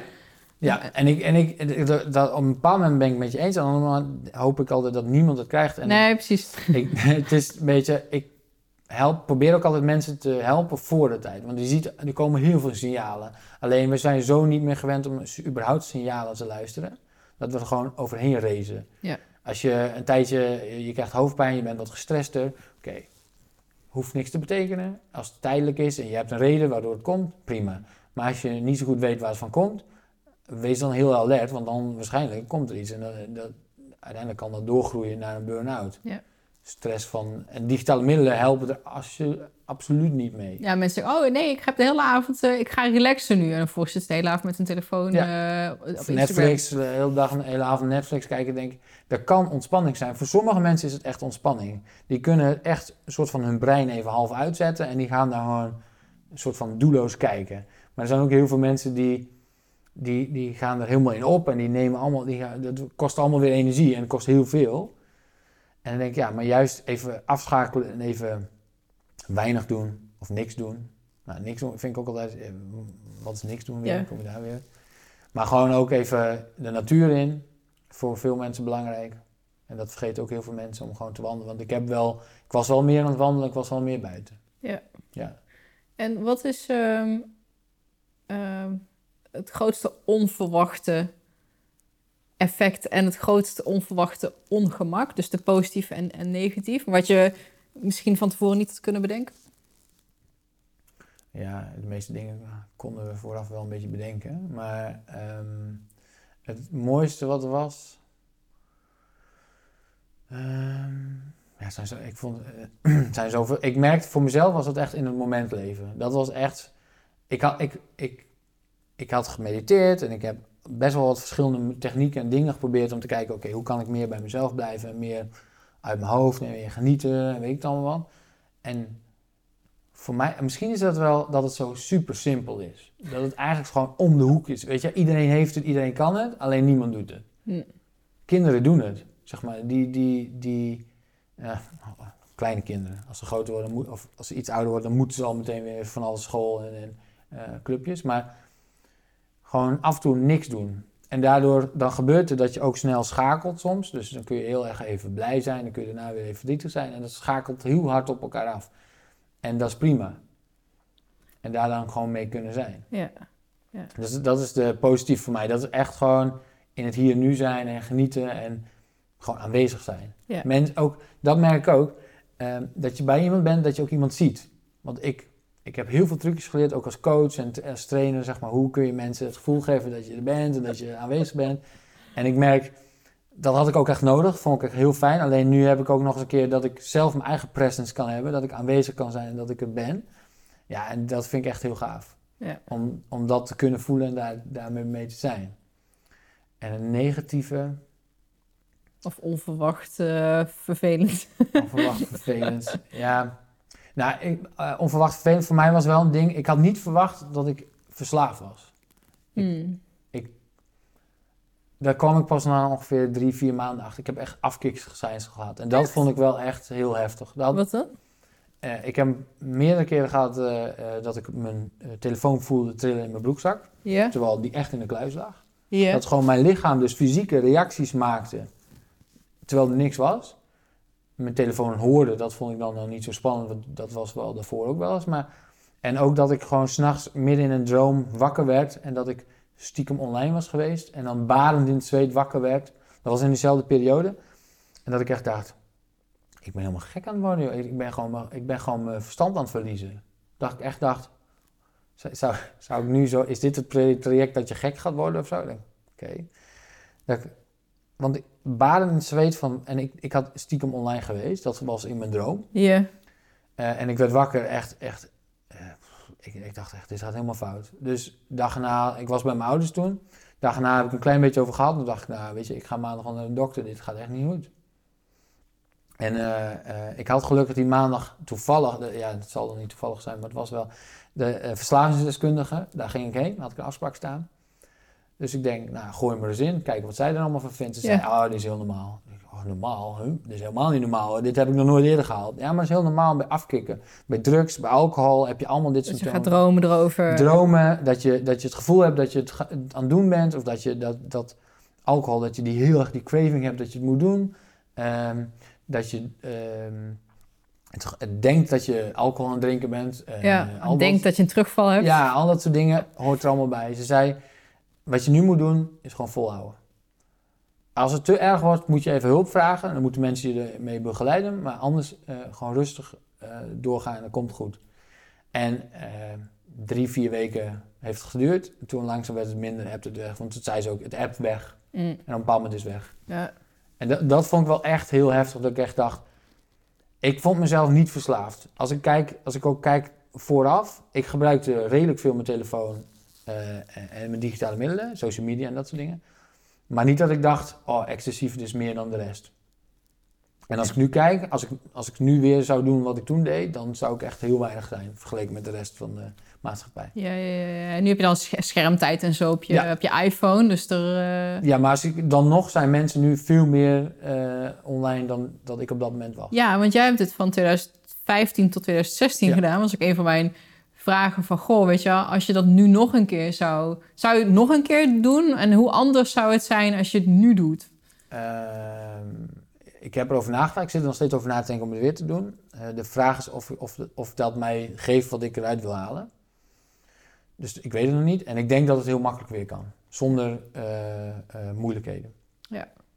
Ik denk er zijn een aantal dingen veranderd. Zeg maar, de overheid wil iedereen digitaal hebben. Ja. Dus die dingen worden wat lastiger. Maar die waren toen ook al lastig. Maar je houdt altijd een, een kleine groep mensen die niet online kan. Eh, dus die, eh, daar, daar blijft er een optie voor. Alleen is die optie moeilijk, uitdagend, kost tijd, geld, weet ik dan wat. Bij de bank ook mijn papieren afschrijven kostte mij geld. Ja, want tegenwoordig, vroeger was het gratis, hoort het bij je pakket. Tegenwoordig kost ja. dat geld en dan stoppen ze dat geld in de digitale eh, middelen om dat te verbeteren. Ja. En dat snap ik ook, en daar ben ik helemaal mee eens. Hè. Ik, ik ben ook niet Duurzaam, ja. ja, ik ben ook niet tegen de digitale wereld. Ik, ik denk juist de balans daarin te vinden. Dat is het belangrijk. Dus ik denk wel dat het... Ik denk zeker dat het kan. Ik denk dat als ik morgen besluit om dat te doen, zou ik zo offline kunnen gaan. Ja, ik, vind het, ik heb een paar keer met het idee gespeeld. Een paar keer WhatsApp van mijn telefoon gehaald. En alle social eh, dingen Ja. van mijn telefoon gehaald. Ehm, ik neig daar wel naartoe. En ik hoor het steeds meer om me heen. Het is wel een soort van groeiend besef. Volgens mij zit, zit, is onze generatie heel uniek daarin. Dat wij echt die transitie hebben. We hebben het eerst 15 jaar zonder gedaan. Ja. En nu doen we het al 20 jaar zeg maar met. Ja. Maar, wij, maar iedereen die nu geboren wordt, die, dat, dat, die, die kennen niet anders. Die weten niet en die hebben nee. daar ook minder, misschien, ik weet niet of dat zo is, maar vraag me af of die er meer of minder last van hebben dan dat wij dat hebben. Oh, of dat dat die- weer, weer zich weer gaat vormen naar iets dat we nu nog helemaal niet kunnen overzien. En Dat sowieso, denk ik. Dat, er is een transitie en, en de, dus het gaat zo snel, de techniek. Dus we, hebben, we kunnen niet eens bijhouden. Hebben we eigenlijk door hoe Facebook werkt. eh, heb je Instagram, heb je Snapchat, heb je weer iets nieuws. Zo, zo blijft dat doorgaan. Ehm, dus binnenkort zal er wel weer een nieuw platform helemaal eh, booming worden. Ehm, en de jeugd gaat daar redelijk snel mee mee. Maar je ziet wel de burn-out cijfers van jongeren gaat als een mal omhoog. Ja, maar ook andersom. Volgens mij gaat dat ook weer uitmiddelen in. eh, we zitten nu in een soort van ex, het is een soort van pendulum ja, of zo. van nee, we- dat we er nu eh, heb je al die. Is iedereen overprikkeld? Weet je, too much, too much, too much. Ik sprak, eh, wie zei dat nou? de Paul Smit volgens mij, die zei dat zijn zoon, ik weet even niet hoe oud hij was, ergens tussen de 8 en de 12, dat ze misschien dachten, oh, je zit alleen maar op Facebook. Maar dat die kinderen, alsof ze dan overprikkeld zijn, dan die telefoon op de bank en dan gaan ze lekker buiten spelen. Ja. Alsof wij daar nu zitten, als met z'n allen op dat punt van... We op, staan we op het punt om de telefoon weg te willen, omdat het, het is gewoon too much. Dat we een soort van een autoregulerend mechanisme hebben van, oké, laat maar, weg ermee. Ik zou, ik, ik zou het hopen. Ik heb, net die, ik heb net een tour door Nederland gedaan waar ik heel veel mensen gesproken heb. En eh, als je met mensen spreekt, die, het is een soort van bubbel. Als ik met mensen spreek die met het onderwerp bezig zijn, zeker, dat, die zie je het overal. Als ik dan verder kijk en ik spreek met andere mensen, dan merk ik dat heel veel, een hele groot deel van de maatschappij hier echt niet mee bezig is. Nee, nee. Die ook niet hun telefoon weglegt. Die ook, je ziet wel dat grote bedrijven nu ook moeten. Die, die, die krijgen van hun aandeelhouders dat ze er iets mee moeten. Ehm, dus eh Vodafone Ziggo is er bijvoorbeeld ook mee bezig om te kijken... oké, hoe kunnen we wel hun online houden... maar wel dat ze er bewust mee omgaan of, of iets minder. Of, Ja, maar dat, en dat stukje bewustzijn, volgens mij komt daar nu wel zo'n kantering. Die online wereld Ja. kunnen we niet meer Nee. veranderen. Dat wordt alleen maar meer. Ja. Maar wel hoe, hoe wij onze relatie daartoe... Ja, Ja. ja. En, eh, maar als je kijkt, zeg maar, eh, als je kijkt naar Japan bijvoorbeeld, daar, daar is het helemaal over de kop, zeg maar. Daar, daar, daar zijn afkeerkampen, echt, echt eh, kampen met prikkeldaad omheen, dat kinderen erin gestopt worden. En dat ze niet eens naast elkaar kunnen zitten en praten, elkaar aankijken, dat kunnen ze gewoon niet. Echt waar? Oh, dat wist ik niet eens. Die zijn alleen maar in- in- eh, online met elkaar in contact. En je hebt wel een deel van de jongeren die dat nu ook heeft. Zeg maar, mijn neefjes en ik heb heel veel gesprekken ook met mijn neefjes en nichtjes over. Die zijn redelijk bewust omdat ze heel veel van mij gehoord hebben en gezien hebben. eh, mijn boek gelezen hebben. Maar toch, ze zitten acht uur per dag op hun telefoon. Dan denk ik, oké, acht uur per dag, wat, wanneer ga je dan naar school? Wanneer ga je dan nog andere dingen doen? En eh, een deel doen ze die wij op de televisie doen, of die wij op een andere manier deden of doen. Ehm, en je ziet wel dat ze soms ook wel denken, ik heb er geen zin in. Maar toch, er zit ook een, een, een eh, je wilt er altijd bij horen, een groepsproces. En de jongeren Ja, ja. heb je altijd dat groepsproces. is belangrijker dan iets wel of niet zelf vinden. Ja. Dus je moet stevig in je schoenen staan. Dus alle jongeren die stevig in de schoenen staan, die zeggen af en toe, ik gooi mijn telefoon weg. En andere jongeren, die hebben daar meer moeite mee. En die hebben dat groepsproces. Als je dan, er zijn groepen, WhatsApp groepen, dat je dat gewoon tot drie uur s'nachts wakker moet blijven. Omdat iedereen met elkaar blijft chatten. Als jij dan de eerste bent die eruit stapt, ja, dan ben je, je een beetje softie. Ja, dat soort dingen. Ja, eh, dat, dat gebeurt helaas. En ehm, kijk, ik denk, ik zit heel erg, ik denk dat ouders daar heel erg in, wat moeten we ermee? Ik denk heel erg dat ouders daar nog echt wel een verantwoordelijkheid in hebben om er echt meer mee te doen dan dat ze nu vaak doen, maar omdat ze het zelf ook niet weten. Ehm, Maar die breinen, die gaan toch ook op een gegeven moment gewoon zeggen... Net als met dat kind wat zegt, ah, het is gewoon too much, weet je wel. Ja. Ik ga lekker buiten spelen. Dat dat brein ergens een keer denkt, tot drie uur s'nachts li- liggen appen. Dat, dat trek je, en dat misschien ook de burn-outs dan steeds jonger worden of zo. ja, maar dat gebeurt. Je ziet dus die niet. lijn, zeg maar, het was eerst was het een burn-out was iets voor vijftigers. Ja, Eh, toen was het opeens dertigers en nu is het eh 18, 15, 18 kun je, je kunt nog jonger kun je al een burn-out krijgen. Denk ik. Denk, hoe kan een kind nou een burn-out krijgen? Mm. Het is niet alleen de digitale middelen, hè? even voorop gezegd. Het is ook de druk die de maatschappij erop legt. Je moet allemaal clubjes doen, je, moet allemaal, je, je bent alleen maar bezig. Niks doen en vervelen, dat doen we niet. We zijn altijd, eh, hebben we een zaterdag vrij, gaan we als gezin, moeten we gezinstijd hebben, gaan we met z'n allen de dierentuin of gaan we ook weer wat ja, doen? ja, ja, ja. Gaan we niet gewoon, doe maar je ding en ontspan even. Ja, en dat niks doen en dat vervelen, dat... eh, Je noemde het net ook al een paar keer, maar wat... wat weet je nog, wat gebeurde er dan? Hoe, ik vind het wel leuk... Als ik me verveelde, Ja, een leuk moment. Oké, je zit op de bank. Ja. Ik, ik, het, s'avonds, ik kan nu niet meer, weet ik veel, ik zit dan voor. Nou, je hebt wel je vaste telefoonlijn, dus je had Ja. nog mensen kunnen bellen. Maar goed, dat duurt dan ook maar een paar minuutjes. Ja, nou, gesprekken duren wel wat langer hoor. Omdat als je, dat, als je dan kunt bellen, dan... Als je de moeite neemt om iemand te bellen... En ik had op een bepaald moment ook nog zo'n draaischijf. Dus dan ben je al 20 seconden ongeveer voordat je iemand aan de lijn hebt. Dus het is al een heel proces. Dan heb je wel Ja. bedacht, wat ga ik dan vertellen? En als het afspraak maken was, dan was het kort. Maar anders was, het ook, was ik ook echt benieuwd. Hoe gaat het? Want ik had niet Facebook gekeken. Ik had geen WhatsApp-foto's gezien. Dus ik, weet, ik wist echt niks. Dus mensen vonden het ook heel leuk om dan te vertellen wat er aan de hand was. Ja, ja. Natuurlijk, het leukste is gewoon fysiek zien, zeg maar. Maar dat was dan een soort second best. Maar dan zat ik daar. ehm, en dan verveelde je. Ja, en dan, wat ging ik dan doen? Ging ik, eh, ja, ging ik eens een beetje naar buiten kijken. Of eh, ging ik, eh, ja, ging bedenken, wat ga ik nu eens doen? En werd je dan niet helemaal gek van, van je eigen hoofd, van je eigen gedachten? Kwam je jezelf tegen? Ja, Ging je je irriteren aan jezelf? eh, ja ik, heb, ik heb wel dat ik dacht, oké, wat, wat, wat moet ik? Ik wil iets. Ik moet iets doen of zo. Ik, want dat is ook. Ik dacht altijd, ik, ik moet van alles. En ik wil van alles. En ik mis heel veel. Nou, op dat moment dacht ik, eerst, eerst mijn hoofd gaat helemaal over. In het begin weet ik nog dat mijn hoofd echt overuren draaide. Want het was echt, ja, maar je mist nu dit, je doet dit niet. Waarom, wat ga je nu doen? Wat gaan we nu moeten? Iets bedenken, want niks zitten op een bank zitten is ook een beetje suf. En dan krijg je een soort van, van vroeger was, je moet hard werken en stilzitten, dat is niet, eh, dat doen we hier niet, zeg maar. Dat, dat soort stemmetjes kwamen dan voorbij. En op een bepaald moment dacht ik, ja, oké, maar kijk, ik, gewoon, wat gebeurt er dan? Ja, gebeurt er dan? Ja. Gebeurt niets. Ik voel me ongemakkelijk.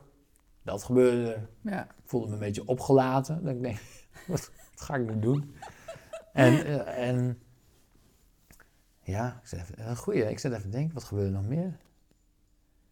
Nou, op een bepaald moment was het ook eh, dat, dat, dat ik merkte, hé, hey, ik krijg nieuwe ideeën. Gewoon ideeën die ik Precies, niet, dus. bedacht had, zeg Ja, maar. Niet, dat. niet dat het een combinatie is, maar gewoon dat het echt iets anders was. Huh? Kom ik hier nou weer bij, joh? Ja. Oké, oké. En dan ook gewoon dat weer lekker laten gaan. Ja. En oké.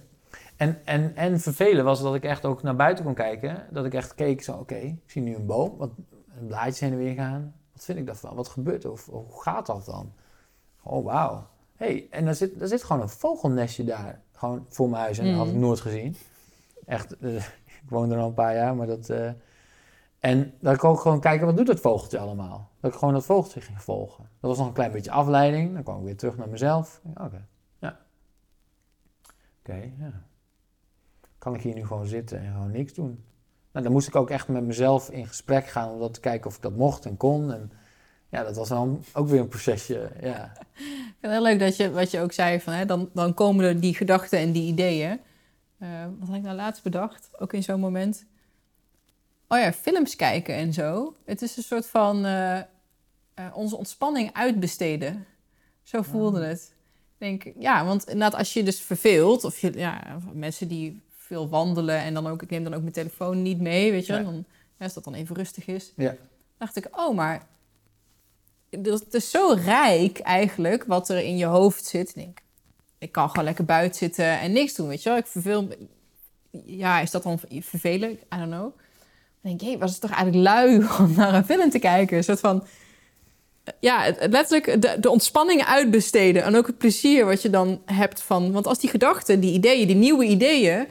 Dat voelt super lekker. Ik weet niet hoe dat bij jou is, maar ik denk dan echt... Wow, dat voelt echt als een soort van... Zo'n lekker moment. Ja. Ik denk, oh, maar dat heb je dan helemaal niet... als je dat continu uitbesteedt door... Nou ja, en die creativiteit, waar, waar, waar Ja. ook onderzoek al uit, naar uitgebleken is, dat, dat als je eh, je kunt vervelen, dan word je creatiever. Eh, ik merkte ook dat ik gewoon, mijn, wat je net zei, die films, eh, dat raakt me even. Want ik denk dan, oh, wacht eens even. Ik had ook heel vaak dat ik gewoon mijn eigen verhalen ging, mijn Ja. eigen filmsoort van ging bedenken. Oh, dan zag ik mensen denken, oh, wat zouden, die, wat zouden die nou zeggen tegen elkaar? Ah, dan ging ik gewoon een beetje zo grappig verhaaltje bedenken. En dan dacht ik, ja, zo, ik ging me dan toch wel weer een beetje vermaken op die manier. Dat vond ik, ook- maar dat was echt, en dat was heel, het gaf me ook heel veel ontspanning en rust. En het was gewoon, ehm, was, eh, was heel fijn. En ik merkte ook, op een bepaald moment merkte ik ook, oké, als ik dat nu ook eens niet doe, wat komt er dan? Hmm. Wat komt daarna nog, zeg maar? Want dit is ook wel weer een beetje een afleiding. Sure, ja. Dus ik denk, en het is heel fijn, en, maar het is al een heel stuk ontspannender dan, dan gewoon iets aanzetten of iets gewoon gaan En doen. het is ook iets om naar te streven. En dan ja, ik denk, wil je ook niet weer niet streven naar een Ja. bepaalde Ja. toestand. Want Ja. dat is dan ook weer niet, niet zen. Ja, ja, s- het, het, het loslaten en gewoon zijn. Ja. Dat, zeg maar. En da- dan gebeurt er niet zoveel. Dan, dan, ja, dan zat ik daar, punt. Ja. Ja, dan, dan kwamen er wel wat emoties of gevoelens, maar dat kwam en het was ook zo weer weg. En ik kon dat allemaal gewoon zo... Het, ik stroomde gewoon alle kanten op. Ja. En that's it. En als er dan wel iets kwam, interactie of iemand vroeg iets, of de, de, ik, ik stond iemand aan de deur of zo, dan kon ik daar ook gewoon heel ontspannen, relaxed op, op reageren. En dat was altijd. Wat ik, uh, reden waarom ik ook even op doorvraag. Ik weet bijvoorbeeld van mezelf. Eh, als ik kijk naar mijn eh, familie en zo, iets depressie of dat soort klachten, dat, dat zit wel bij ons in de familie. En ik merk ook, hè, als ik die rust opzoek, dan moet ik altijd eerst door een ontzettende wolk ook aan een soort van negativiteit heen. Mhm. Niet altijd even leuk. Ehm samen was ik heel erg benieuwd of dat bij iedereen zo is. Want we hebben natuurlijk allemaal een ego. We hebben allemaal een hoofd wat aan het scannen is op gevaar. Onze default modus is gewoon zoeken naar gevaar. Dat Ja. is gewoon zo. Is ons DNA zijn we geprogrammeerd. Het is ook niet erg. Ja. Ik denk van, oh, heb ik dat dan nu? Hè? Bijvoorbeeld wat meer omdat ik die neiging heb? Of loopt iedereen daar tegenaan? Want het lijkt me dat het ook een barrière kan zijn voor mensen. Van, oh, ik wil die kant niet op. Want Ja. hè, dan kom ik Ja, allemaal angsten tegen en onzekerheden. Mhm. En eh. Ja, nee, maar wel heel, her- heel herkenbaar. Want da, maar, da, maar eh, een paar dingen. Ik, ten eerste, ik, ik heb al heel veel werk met mezelf gedaan. Dus ik heb heel veel coaching voor mezelf gedaan, gehad. Om daarmee bezig te zijn. Om al die thema's te bekijken. Wat is het? Moet ik er wat mee? Kan ik er wat mee? Kan ik het loslaten? Dus dat, dat eh, ik heb gemediteerd. Daar kom je het ook allemaal tegen. Zit je ook gewoon rustig stil. Kom je alles van jezelf tegen. Dus ik heb best wel veel verschillende facetten gedaan. Om daarmee bezig te zijn. Dus het was voor mij al iets makkelijker misschien. Mm. Als je er nooit mee te maken hebt gehad, snap ik dat dat, eh, eh, dan komt er echt wel even wat op je af. Ja. Ja, want dat merk ik nog wel als ik terugkijk naar een paar jaar daarvoor, zeg maar, was ik daar, nou, een paar jaar, wel langer dan een paar jaar, was ik daar wel echt mee bezig. Ben wel echt wezen kijken, oké, hoe gaat het, wat, wat brengt het me, wat geeft het me, wat kost het me. En ja, als je daar een beetje daar oké mee kunt zijn, dan heb je dit nog steeds. Alleen dan ga je er heel anders mee om. Dan, dan, dan voelt het niet meer zwaar of negatief. Dan voelt het gewoon, ja, dat is een stukje van mij, dat hoort bij mij, dat accepteer ik en that's it. Ja. En dan kun je verder. Ja. En alleen dat is ook, dat is niet, dat is weer zoiets. Dat is niet van de een op de andere dag. Dat is een procesje. Dat, Mooi tegeltje voor aan de muur. Ja, dat- Ik heb er daar ook een. Just Oh ja. simply be aware. ja, ja, Lekker makkelijk. Ja, ja. ja nou ja, Ja. hoe doe je dat? Nee, maar, nee, maar dus, dus het, dat proces, dat, ja, het blijft ook gaan en je komt steeds weer nieuwe stukjes van jezelf tegen.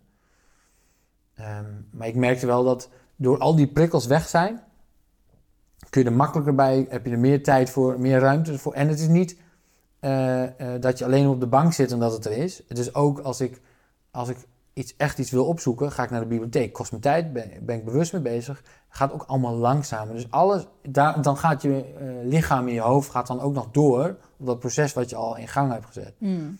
Als je zo'n proces in gang zet nu en je gaat daarna meteen digitale allemaal dingen doen, dan gebeurt er ook nog van alles hoor. Het proces gaat wel door, alleen het gaat wel een stuk langzamer dan dat je de ruimte ervoor houdt.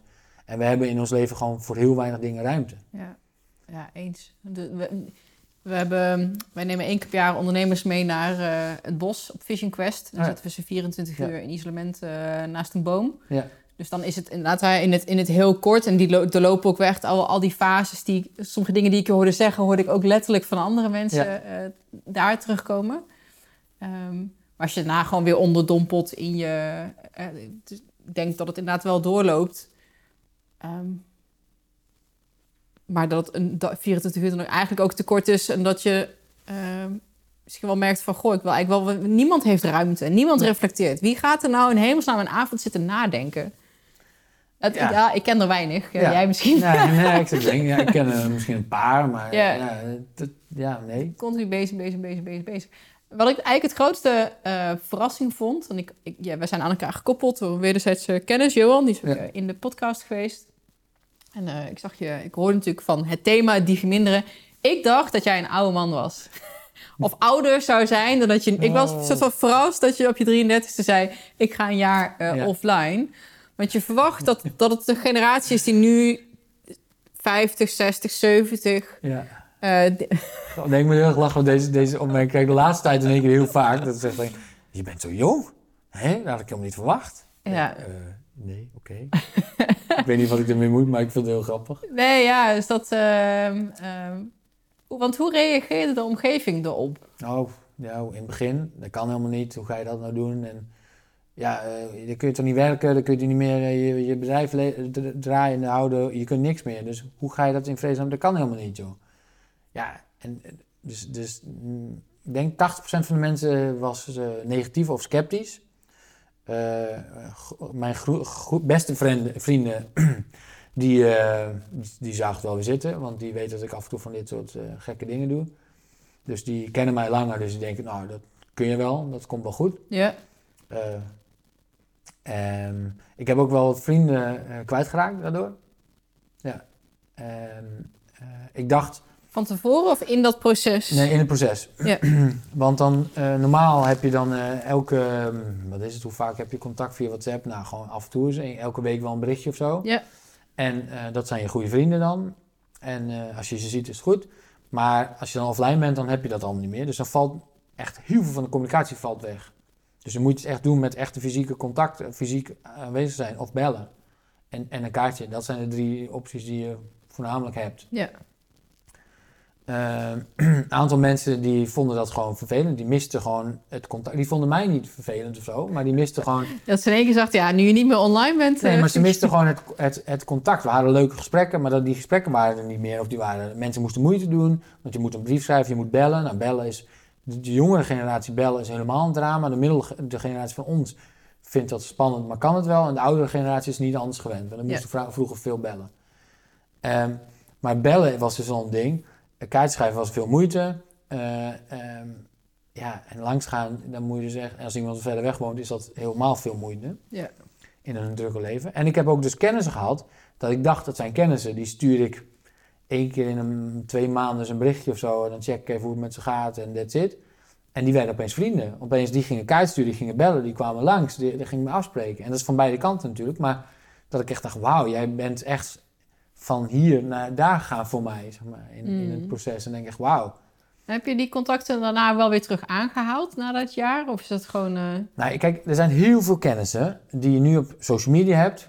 Eh, WhatsApp, ik heb, op WhatsApp, ik heb geen idee hoeveel mensen ik nu op WhatsApp heb bijvoorbeeld. Facebook, ik heb geen idee hoeveel vrienden ik daar op Facebook vind ik wel heb. interessant dat je er wel voor kiest om wel Ga ik zo- Facebook te ga ik hebben zo- en Instagram. Oké. Maar al die mensen, ik heb geen idee hoeveel er zijn. Maar dat zijn allemaal kennissen. En op een bepaald moment eh, ga je offline, dan vallen die allemaal weg. En dat betekent niet dat ze er niet meer zijn, maar het zijn mensen die ik gekend heb. En als ik ze tegenkom, ken ik ze en anders zijn ze even weg. eh, Uit mijn leven dan. Ja. En dat geeft me zoveel rust. En als ik ze dan tegenkom, heb ik een heel leuk gesprek met ze. Kan ik meteen weer bonden, is niks aan de hand. Alleen de rest van de tijd zie ik ze niet, hoor ik ze niet, vind ik allemaal helemaal prima. En, ehm, maar voor heel veel mensen is dat heel, vinden ze het heel vervelend, want ze willen graag op de hoogte blijven met al hun schoolvrienden van vroeger en weet ik het allemaal. Dan denk ik echt, oké, wat biedt het mij in mijn leven om met hun in contact te zijn? Want het heeft iets met loslaten te maken en we kunnen niet zo goed meer loslaten. Mm. En ik heb echt ook in mijn offline jaren wel geleerd om, om al dat soort dingen ook los te laten, weet je. Die mensen zijn er geweest, dat was heel leuk, maar nu niet meer. En het, oh, misschien komen ze weer, misschien niet, dat is prima. Dat is wat het is. En ik ben wel vaker en langer met dit thema bezig geweest, dus voor mij is dat ook weer iets makkelijker misschien. Ehm, maar het, het geeft zoveel ruimte, want als je iets loslaat, komt er ruimte voor nieuwe dingen. Ja.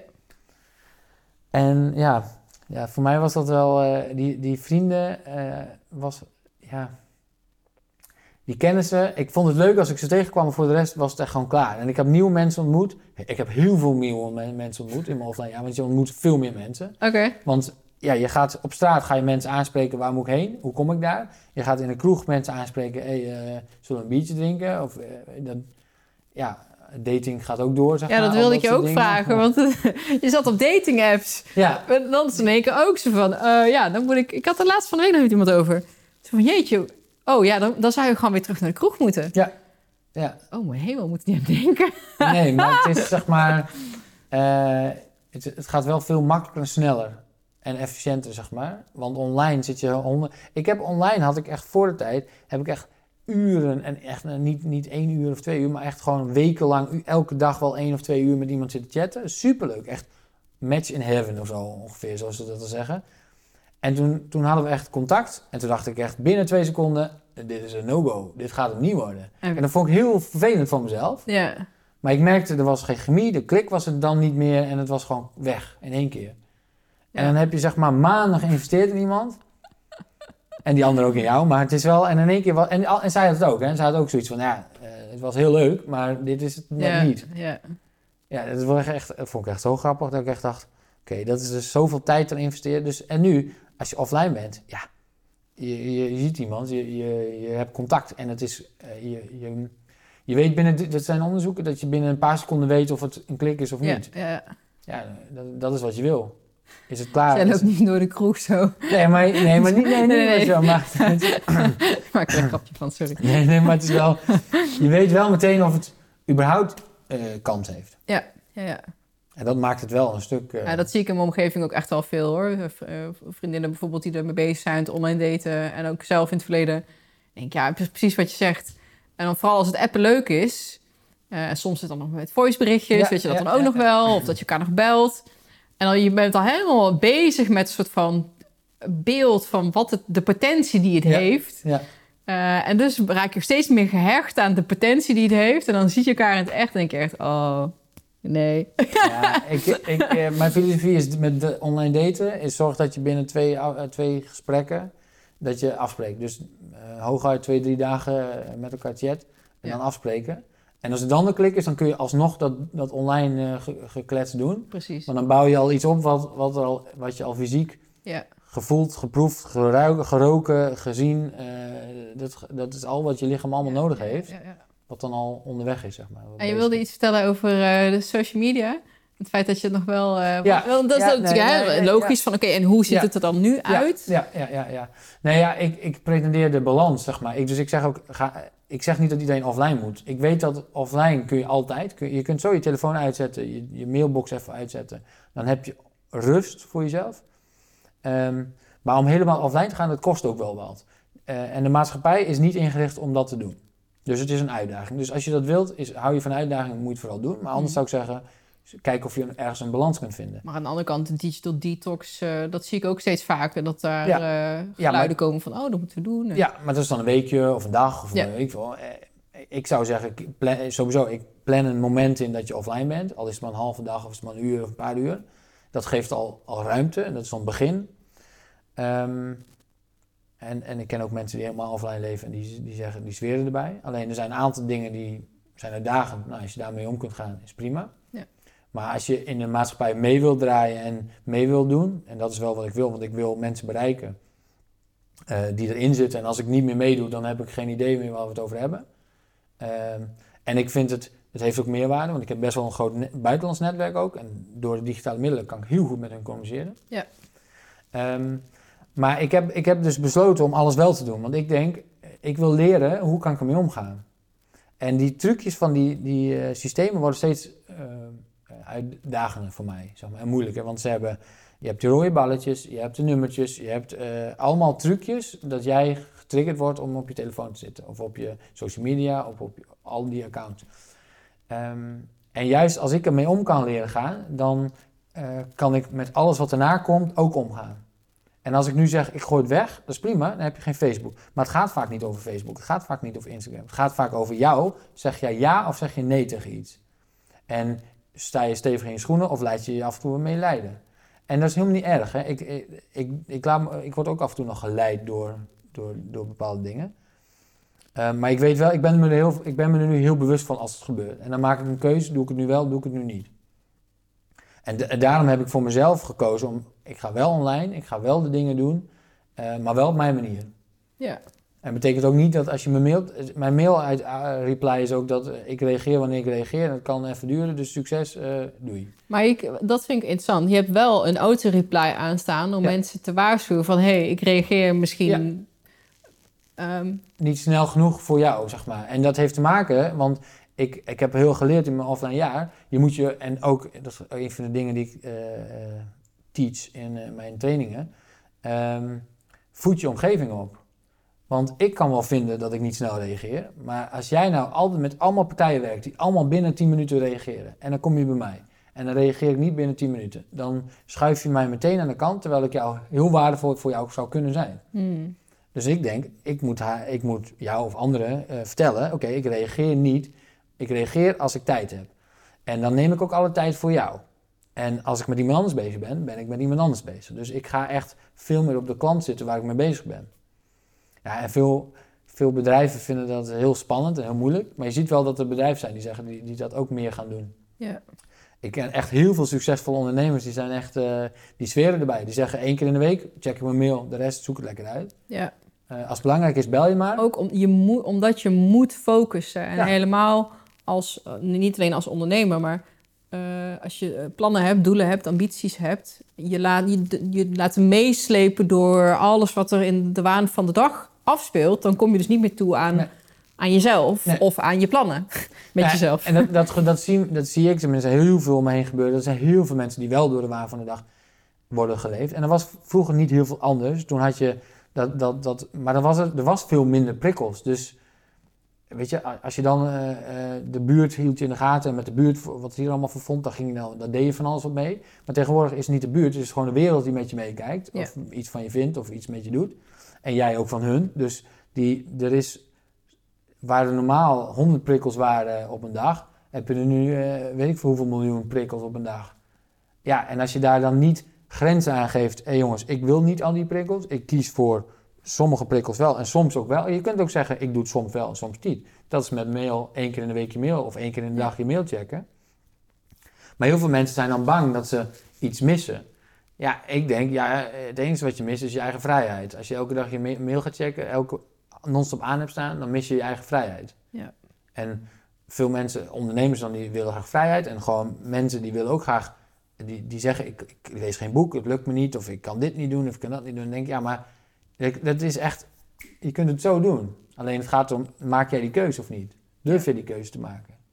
Is dat eh, eh, de nummer één inzicht wat je mensen ook mee wil geven? Of in je training wat je eh, wil bereiken? Ehm, ja, het is wel wat, wat ik ze wil, wil geven. Oké, maak keuzes en, en eh, durf te kiezen voor jezelf. En, maar dat begint voor mij helemaal, oké, waar sta je nu? Waar wil je heen? Hoe zou je het willen? Want sommige mensen weten niet eens waar ze naartoe willen. Want die, dit, die zijn zo opgeslokt door alles wat er gebeurt. Gehypnotiseerd. nou ja, en ik vond het wel mooi. Die zijn Of echt, eh, be- be- bezweerd, of hoe noem je dat? Ja. Ja. ja, door die slangen beweren, zweerden, ja. Nee, maar die, die worden zo geleefd, die hebben geen idee. En er zijn ook mensen die vinden dat prima. Die leven daar geweldig bij. Die hebben zoiets van, weet je, ik hoef niet meer, ik vind dat prima. Dan denk ik, nou, weet je, wees gelukkig en doe dat. Hm. Maar er zijn ook heel veel mensen die niet gelukkig daarmee zijn, maar toch daarin zitten. Dan denk ik, ja, maar dan, dan begint het met een stap bewustwording. Be- waar sta je nu? En het is heel fijn als je weet waar je heen zou willen. Als je het niet weet, ja, er zijn genoeg mensen en eh, mogelijkheden om daar achter te komen. Hoe, eh, misschien een beetje een gekke vraag, maar ik gebruik mijn telefoon ook veel om foto's te maken. Ja. Eh, nu zelfs nog meer dan in 2015, want nu zijn de camera's helemaal natuurlijk Ja. Ja. super deluxe. Ja. En ik merkte ook in de laatste Vision Quest was een ehm, ehm, vrouw en ze zei ook van die geeft ze maar een tekeningetje maken van de kampementje wat ze had gemaakt. Zo van ik ben zo gewend om overal een foto van te maken en dus ook een soort van nog goedkeuring te krijgen, zo van eh, likes Oh, of, ja, ja, reacties. En dacht ik, ja, dat, dat heb, ben je daar zelf ook, eh, is het iets waar je tegenaan bent gelopen? Of wat je hebt ervaren? Of misschien is dat een heel beetje een vrouwending dat wij helemaal meer foto's maken, ik weet het niet. Ehm, nee, ik, nee, want er komt, ik heb hem al, ik heb die heb ik al een keer eerder afgegooid van, van mijn leven. Ik, toen ik aan het mediteren was in Thailand, toen kwam ik met mijn dure camera, ging ik allemaal foto's maken, echt super vet. En ik eh, mediteren lukte niet helemaal en eh, ik was alleen maar foto's aan het maken. En toen had ik zo'n gesprek met zo'n monnik en, en die zei ook, ja maar wat ben je nu aan het doen? Voor wie maak je die foto's? Wat doe je met die foto's? Kun je niet gewoon beter gewoon zo klik met je hoofd gewoon een foto maken en dan zit het in jouw hoofd en that's it. En als iemand dan ernaar vraagt, kun je die weer terughalen of niet. En dan kun je daarover vertellen. En that's it. En toen heb ik echt geleerd, oh wauw. Ik, en toen eh, is mijn passie, ik was echt hobbyfotograaf. fotograaf. Ik maakte echt heel veel foto's. En ik merk dat ik het nog steeds heel goed kan. En alleen ik, ik vind het gewoon niet zo heel vaak heel belangrijk meer. Of eigenlijk gewoon bijna nooit meer. Ja, Of ik ga echt fotograferen en dan ga ik echt fotograferen. En anders ja, ja. ja. ik merk ook, ik krijg ook heel vaak te horen dat. eh, Toevallig nu op vakantie geweest, heb ik wat meer foto's gemaakt, omdat het voor mij een bijzondere reis was, voor mijn vader. Ehm, maar normaal maak ik ook bijna geen foto's. En dan krijg ik ook vaak te horen: van, waarom heb je nou geen foto's gemaakt? Ik denk, ja, weet je, het is toch mijn reis? Ik ben toch geweest. Als je, als je had willen zien, had je mee moeten gaan. Hm. Als je er ook heen. Ja, nee, maar het is toch. Waarom, waarom zou ik dat. ik- iedereen wil alles altijd delen. En ik wil graag in connectie zijn. Ik wil graag vertellen. Alleen, ja, ik kan alles met foto's laten zien. Maar, of filmpjes laten zien. Denk, ja. Weet je, net als een- even een ander voorbeeld misschien. Maar concerten. Er staan, er staan, staan, er staan er 40.000 man in zo'n zaal. En er staan 20.000 met een camera. Er staan foto's en filmpjes aan het maken. ja. Denk, ja, waar zijn we? Weet je, hoeveel geniet je dan op dat moment van het concert? Ja, ik, ik heb het ook gedaan hoor, dus ik, ik, ik veroordeel absoluut niet. Ik denk ook, ja, je wil- je wilt toch iets van eh, bewijs hebben of weet ik veel, want dat is tegenwoordig ook. Eh, een foto, an- anders eh, is het niet gebeurd. Ja, en je wil even dat op Instagram of in je stories zetten of gewoon de like. Oh, mensen hebben het gezien. Dus, En dat, dan, dat haakt natuurlijk helemaal in op onze oerinstinct van oh, eh, bij de groep willen Ja. horen. Want Ja. als ik niet meer bij de groep hoor, dan ga ik dood. Basically was dat vroeger wel gewoon het geval. Want als je in je Ja. eentje eh redde je het niet. Dus het is ook slinks. En ik denk wel wat je bent met je eens van eh, al die appontwikkelaars. Die weten natuurlijk, want ehm, het is currency. Aandacht is ehm, waardevol. Dus zij willen jouw aandacht. Want hoe meer zij, dan kunnen ze meer reclames laten zien, dan, Ja. kun je meer, dan ben je Ja. meer waard, of je gegevens, en dan eh, Ja, ja, ja. kunnen ze allemaal, eh, verdienen ze heel veel geld mee. Ja, en ik vind het, heel, ik vind het wel moeilijk hoor. Want het is een soort van balans. Oh, je wilt niet te veel in meegaan. Je wilt ook niet af, wegzetten als hè, des duivels. Ik ben heel mooi dat het jouw conclusie was van ja, het zit het probleem en dus ook de oplossing zit in mij. En niet in de online wereld en de appontwikkelaars. En Nee, die, kijk, die hebben wel een verantwoordelijkheid, een ethische verantwoordelijkheid, vind ik. Eh, en je ziet ook dat sommigen steeds meer daar ook die nemen. Er zijn ook niet voor niks een paar grote ontwikkelaars in, in, eh, in Amerika die eerst alles maakten. Op een bepaald moment zeggen, ja jongens, ik kap ermee, ik stop ermee. En die gaat een soort van tegenreactie bedenken, want die zei, ja, dit, dit is helemaal niet zo goed voor ons. Ja. Het is mooi, het, is, het, het kan heel goed werken als we het goed inzetten. Alleen we zetten het vaak niet meer goed in en dus worden we geleefd daardoor. ja, ja, ja. Ja, ja en, en daar moet deze generatie dus mee om leren gaan. Om dat eh, paal en perk aan te stellen voor zichzelf. Ja, maar en dat is ook, zeg maar, dit is precies. eh, we- ik denk dat we nog een tijdje er wel last van gaan houden. En dat heeft te maken, eh, niet dat ik zo somber denk, maar wel dat de oudere generatie zou ons dit moeten leren. Die hebben geen idee wat het is. Die, die hebben, wij hebben soms nog geen eens idee. Wij zitten een beetje tussenin. Wij snappen hoe het was, we snappen waar we nu zitten. Alleen we hebben geen idee soms hoe we ermee om moeten gaan. En de jonge generatie, ja, die doet maar wat. Mm. Alleen, kijk, roken en, en, en, en, en drugs en zo, dat, dat bestaat al eeuwen. Dus we hebben er eeuwen mee geoefend. We weten of het goed is. Wat het, en vroeger, vond, weet je, honderd jaar geleden, als iemand gewoon eh, eh, zijn, eh, zo'n speen in de alcohol doopt en dan in een baby geeft, vonden wij perfect. Lekker rustig. Dat is allemaal prima. Alleen nu, als je het nu doet, nou, dan, dan kun je bijna, weet ik, dat, dat gaat niet goed, zeg maar. Dat is niet eh, not done, zeg maar. Moet je met de gordijnen dicht doen. eh. Nou ja, nee, maar, nee, maar anders is het gewoon not done ja. omdat dat zo, er zit zo'n eh, taboe tegenwoordig op. Ja. Dat hebben we met z'n allen maatschappelijk bedacht. Dit is niet goed, daar, vinden we wat van. Alleen, deze technologie is zo nieuw en het gaat zo snel dat wij ons niet zo snel daar een houding aan kunnen geven. En hebben we een houding aan gegeven, is er wel weer wat nieuws. En wat, eh, wat staat er bij jou verder nog op de planning? Want je coacht, je, we zijn het in het voorgesprekje, vooral bij bedrijven. Je geeft Ja. je trainingen om omgaan met Ja. eh, de digitale wereld. Ja. Wat, is, ehm, wat staat er op jouw eh, stip op de horizon? Ja, mijn doel is nog steeds om in 2025 heel Nederland bewust te maken. Mm, en dit soort dingen helpen daarbij. Dus televisie, podcast, al dat soort dingen. En ik wil veel meer, nog meer bedrijven, grotere bedrijven eh, benaderen en Wat, daarmee wat doen. leren ze precies in een workshop of coaching van, eh, van jou? Ehm, hoe ze zelf met hun digitale middelen om kunnen gaan. Want vaak die bedrijven geven hun allemaal, hier heb je een telefoon, hier heb je een laptop, hier heb je ook nog een tabletje, succes. En nu eh, zoek het lekker uit. Ja, en vooral eh, meteen reageren op mails. Ja, en in het weekend ben je aan het werk en, eh, en weet ik dat soort dingen. Eh, en dat is allemaal niet zo.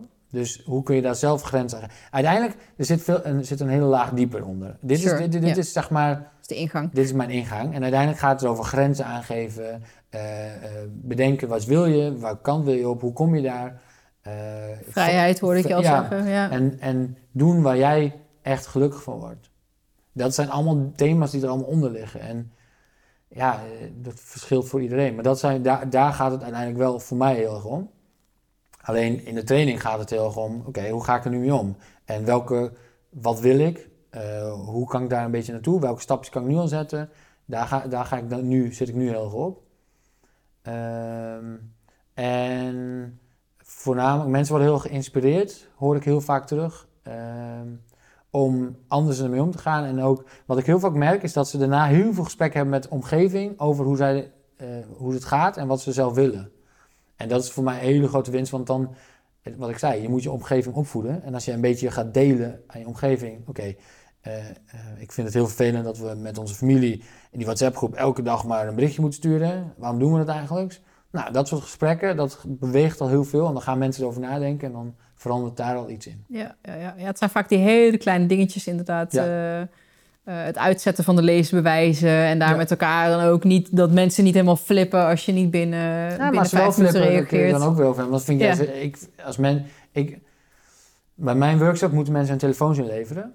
En eh, veel weten ze dat niet. En dat vinden ze heel spannend. En ik heb echt eh, de geweldigste reacties beginnen. Mijn hele training begint al bij de deur. en dat is echt... eh, ja, dat beweegt, dat beweegt zoveel. Want mensen worden bewust van hoe, wat de relatie is van hun mobiele telefoon dan of hun tablet. Al voordat ze überhaupt ergens mee bezig zijn. Ja. Ja, en, dat, en uiteindelijk, ik wil ook meer naar scholen en ik wil, eh, en ik wil internationaal. Want ik dacht altijd, dit is echt een eh, derde wereldprobleem. Nou, ik ben nu steeds weer op reis geweest naar verschillende landen. En ik merk dat het echt dit probleem is in alle landen. Zelfs in arme landen is, is een mobiele telefoon is belangrijker vaak dan voedsel. Hm, Want via de telefoon kunnen ze dan weer voedsel regelen. Ja. Zo, zo redeneren ze. Maar zij zitten ook allemaal verslaafd en eh, weet ik dan. En ja, eh, ik denk dat het voor de, voor de wereld niet heel goed is. Ja, ik, ik vind het lastig hoor. Ik eh, luister zelf veel podcasts en ik had laatst Naval heet hij, ik weet even zijn achternaam niet, bij Joe Rogan. Hm? En het ging het over. ehm, weet je, de, de online wereld is potentieel ook wel een soort van, even heel kort door de bocht, de oplossing voor het armoedeprobleem. Eh, en omdat er zoveel. nou, ik kan even niet op het goede woord komen, maar. eh, je, je kan, daar, je, je, je kan je, je, je levensonderhoud zeg maar, vinden online. Je kan, je Ja. kan gaan programmeren, je kan iets maken, je kan dienstverlenen. Dus de online wereld is ook een... In potentie, zeg maar, heeft dat... Of in- dat heeft de potentie om ehm, mensen een stapje verder te helpen in inkomsten. Want eh, iedereen kan leren programmeren of Ja. whatever. Dus het is ook wel een soort van... eh, Een dingetje voor- overvloed. Wat symbool staat voor overvloed. Eh, het is heel makkelijk te, te, te leveragen. Hè? Want ik hoef maar één keer iets te maken en ik kan het heel vaak verkopen, bijvoorbeeld. Iets wat zoveel potentie en zoveel overvloed eigenlijk in zich heeft, maar dat het tegelijkertijd, zeg maar, dat we onszelf in de weg zitten, dat we verslaafd raken aan een bepaald element daaruit. Ik vind het wel heel spannend, omdat het vanuit metaniveau een beetje zo te zien van, oh, hoe moet, ik weet zelf niet eens precies hoe ik me mijn houding moet geven. En Ja. Ik, ja.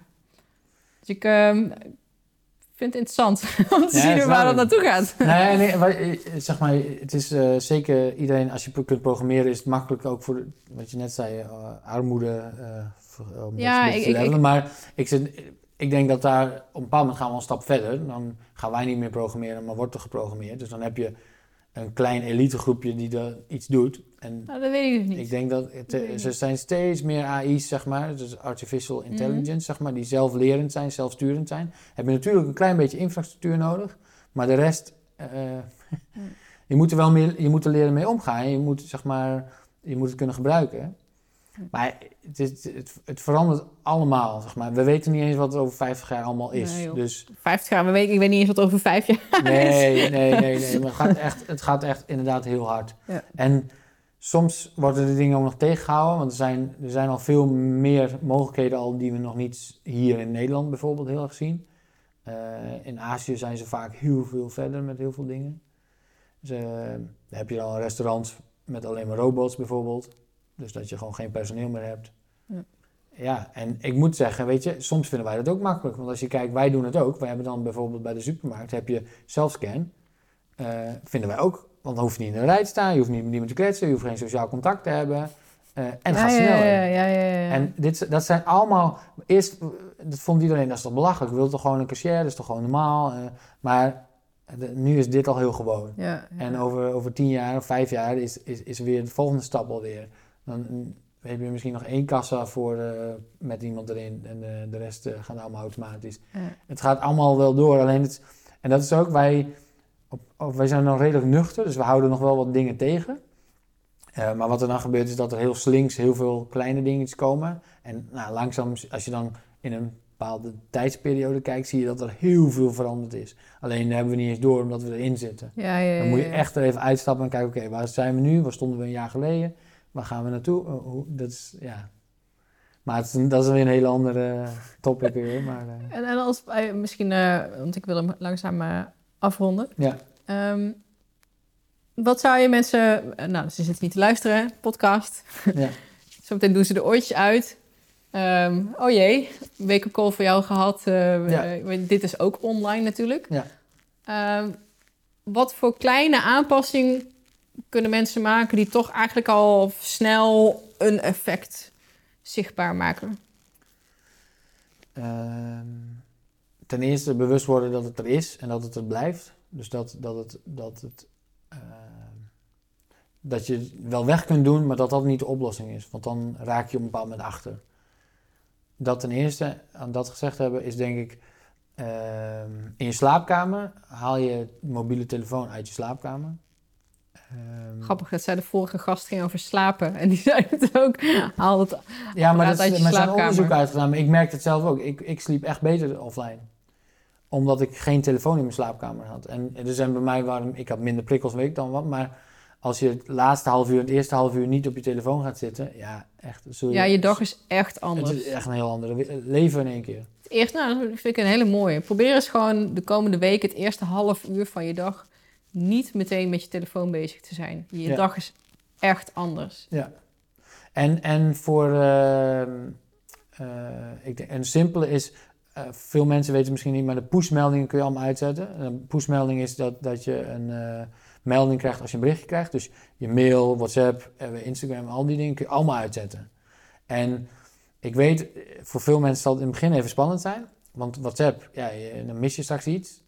Ja, maar dat is goed. Dan moet je even, dan, moet, je- dan mag Heb je jij dan even- WhatsApp nu? maar ik heb dus wel alles uitstaan. Dus Ja. ik, ik krijg... Ik heb geen idee hoeveel berichten ik krijg. Maar ik kijk wanneer ik wil kijken. Ja. En dat is niet zo heel vaak. Dus soms... En dat, is, dat varieert ook. Soms heb ik even een periode dat ik even, dat ik even een uurtje ermee bezig ben. Dus dan denken mensen, wat reageert hij veel? Ja, en dan reageer ik heel snel, heel kort. Maar het kan ook zo zijn dat ik daarna gewoon weer een halve dag of een dag... of misschien zelfs wel een paar dagen gewoon niet reageer. Ja. Dan denken mensen, hè, wat is nou? Ja, dan... Ja. Ik- En dat is een beetje je, je omgeving opvoeden. Ik heb, ik heb het in de podcast echt heel vaak over WhatsApp gehad. Ik heb hem ook een paar keer van mijn telefoon gegooid. oh, ja, ja, ja. terug erop gezet. En eh, over de, dat we allemaal SLA's, ongeschreven service level agreements met elkaar hebben.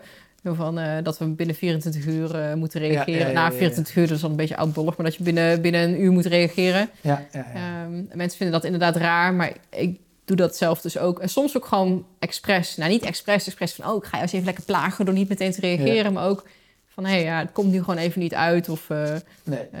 ik ben aan niemand iets verplicht. Nee. Ik wil dat gevoel ook niet hebben. Ja, Nee, snap ik. Ja, ja Nou. Ik denk, ja, je snapt wel wat ik bedoel. Ja, hier eh, kunnen we nog heel, eh, heel lang over in- ingaan, want dit vind ik heel interessant. Want dan denk ik, eh, mensen, vroeger was het ook, als, je, als iemand hoi zegt, wat doe je dan? Zeg Ja. je dan hoi terug of niet? ja, Mensen vinden het heel onbeleefd als ik op straat loop en ik zeg hallo en iemand zegt geen hallo. Dan denk ik, hè, doe ik wat verkeerd? Oh, hm. En dit is ook digitaal. Ja. Als ik jou iets vraag of iets vertel, dan verwacht ik dat jij reageert. En vooral als ik dan gezien heb dat jij het gezien hebt, dus als ik weet dat jij had kunnen reageren. En op WhatsApp zijn vaak niet moeilijke vragen, het zijn niet de diepgaande onderzoeksvragen of zo. Mm. Eh, dan snappen ze wel dat het even duurt, maar anders verwachten ze wel een snelle reactie. En dat heeft ook allemaal te, bij- eh, te maken met erbij willen horen, gezien willen worden, ehm, ehm, het, eh, het contact hebben. Anders straks het lijkt een beetje, ja, maar vind je me niet meer leuk of zo? Wil, wil- vind, je dat niet, vind je mij niet belangrijk? Dat gevoel krijgen mensen een beetje. En dat is alleen maar heel groot versterkt. Vroeger hadden we dat ook allemaal wel een klein beetje, alleen nu de digitale middelen versterken heel veel gevoelens. Eh, de, van niet bijhoren, wel bijhoren, eh, gezien Ja, worden, ja, niet ja. gezien worden. En dat is wat mensen toch willen, gezien worden. Ik heb heel veel training gedaan, dat is bijna altijd het onderwerp komt naar boven, gezien worden. Ja. Gezien willen worden. Het is wel sterk wat je zegt van hè, op straat, eh, als iemand zegt hallo, dan weer hallo terug. En eigenlijk is een WhatsAppje, ik, zie dat, ik zag het als, als ja, lekker makkelijk. Jij gooit het over de schutting. Ja. Jij- er plopt iets op in jouw hoofd. Oh, ik moet even, even iets vragen. Jij bent er vanaf. Ja. Bij mij is die itch pas bevredigd als ik er heb geantwoord. Maar als ik hem op één uur binnen zie komen en ik kan pas eh, om eh, drie uur reageren omdat ik in een meeting zit of Ja. in een podcast. Het twee uur lang is er ergens een haakje in mijn hoofd bezig met het feit, oh, moet- met het antwoord wat ik wilde geven. Denk, ja, lekker leuk dat jij het over de schutting gooit. Ja, en ik, ik zal je nog vertellen, eh, toen ik offline was, ehm, heb ik heel geleerd, eh, ook met mijn mailbox bijvoorbeeld, als je, als je niet reageert, eh, na een tijdje lost het probleem zich op. De vragen lossen zich op. Eh, het is, al- als je nu, stel je zou nu gewoon een week niet reageren op WhatsApp. Je zou hem gewoon hebben en je zou gewoon niet reageren. Dan zul je zien dat 90% van de vragen die er waren allemaal weg zijn. Ja. En de mensen die echt interesse hebben, die bellen wel. Ja. Eh, En en that's it. Is een beetje cru meestal voor de omgeving, want die schrikt er een beetje van. Die denkt, hè, leef je nog wel? Want tegenwoordig is het... eh, vroeger was het geen bericht is goed bericht. Tegenwoordig is, eh, als je niks hoort, dan Oh, gaat ja. het heel fout met je. Geen bericht, goed bericht, dat is waar. ik Ja. was hem gewoon vergeten, dat zegt niemand meer. Nee, maar, het is echt, maar ik vind het ook wel heel, heel, heel bijzonder. Want de, als een, eh, een kind zeg maar, dus, een telefoon krijgt, is het oké. Nou, je gaat nu naar school fietsen. App even als je onderweg bent, app even hal- halverwege en app even als je er bent. En vroeger was het fiets naar school, mocht er iets gebeuren, dan hoorden we het wel. Ja. En dat is ook een beetje vertrouwen in het leven, vertrouwen in de mensheid, vertrouwen in jezelf, zeg maar. Nou, je wordt zo afhankelijk gemaakt vanaf jongs, jonge leeftijd al van de digitale middelen. En ik vind dat best ook wel een beetje, het is een downgrade van mensen, zeg maar. oh, die, ik, in dat opzicht. ik ga hem erin houden. Ik maak me er ook schuldig aan. Laat even weten als je over bent. Zo van, hè, stuur even een appje. Als je, maar en nu denk ik, eigenlijk is het gewoon zo fucking bullshit. Ik Ja, ga kijk- bij deze belofte, ik ga even mijn, eh, mijn vriend ook inlichten. Ik, we gaan dit gewoon niet meer doen. Kijk. Bel me gewoon, weet je wel, kom even lief, een beetje liefde geven of iets leuks zeggen of zo. Maar Ja, en kijk, het is natuurlijk wat anders als je naar de andere kant van de wereld vliegt. Ja. Dat, dan, dan mag je best even een berichtje laten sturen van ik ben aangekomen. Maar het is precies wat je zegt. Je appt eh, als je vertrekt, je appt halverwege. En hoe lang moet je nog? En ik ben er. Terwijl je gewoon naar school gaat. Denk je, ja, Ja. Ja, het is toch, ja, het is toch bizar? Ja, ja, ik, ik, ik vind dat bizar. En veel mensen zijn er zo aan gewend geraakt, die denken er niet eens over na. Dat vind ik... Ja. Ja, Kijk, als iemand midden in de nacht eh, nog een eh, lange autorit heeft, ja, dat vind ik wel heel fijn om te weten dat, je, dat iemand thuis is. Ja. Maar eigenlijk, ja, geen bericht is goed bericht. maar want het houdt mij wel bezig. Oh, ben je er al? En, ja eh, nee, maar terwijl, zeg maar, als je nu gewoon zegt, ja, weet je, het gaat goed. Ga lekker slapen en eh, is het niet goed, dan hoor ik het wel. Dan gaat Ja. er wel een telefoontje. Maar dat, we zijn zo omgedraaid, Precies. dat als je nu je telefoon bij je hebt, dan gaat dat ding gewoon non-stop van dat ze berichtjes geven. En denk Ja. ja, zit je daarop te wachten? Ja, ik niet. Dus mijn, mijn, mijn omgeving het maakt het je een heel niet. stuk minder afhankelijk, on- eh, minder onafhankelijk. Dat je continu gecheckt en, eh, wordt en aan het checken bent. Terwijl, maar een stukje zelfvertrouwen, als het gaat over zelfvertrouwen, ik denk dat daar veel ook te winnen Ja. in eh, valt. Dus, en ook gewoon eigenwaarde. Ben ik zeg maar oké, zeg maar, als ik... Mag ik het zelf doen of kan ik het zelf doen? Nee, Ja. ik moet, ik moet de hele tijd aangeven, ja, het gaat goed. Nee, het gaat niet goed. En dan, als het niet goed gaat, dan krijg je meteen allemaal advies. Of gaat iemand je helpen en zo. Dan denk ik, ja, maar weet je...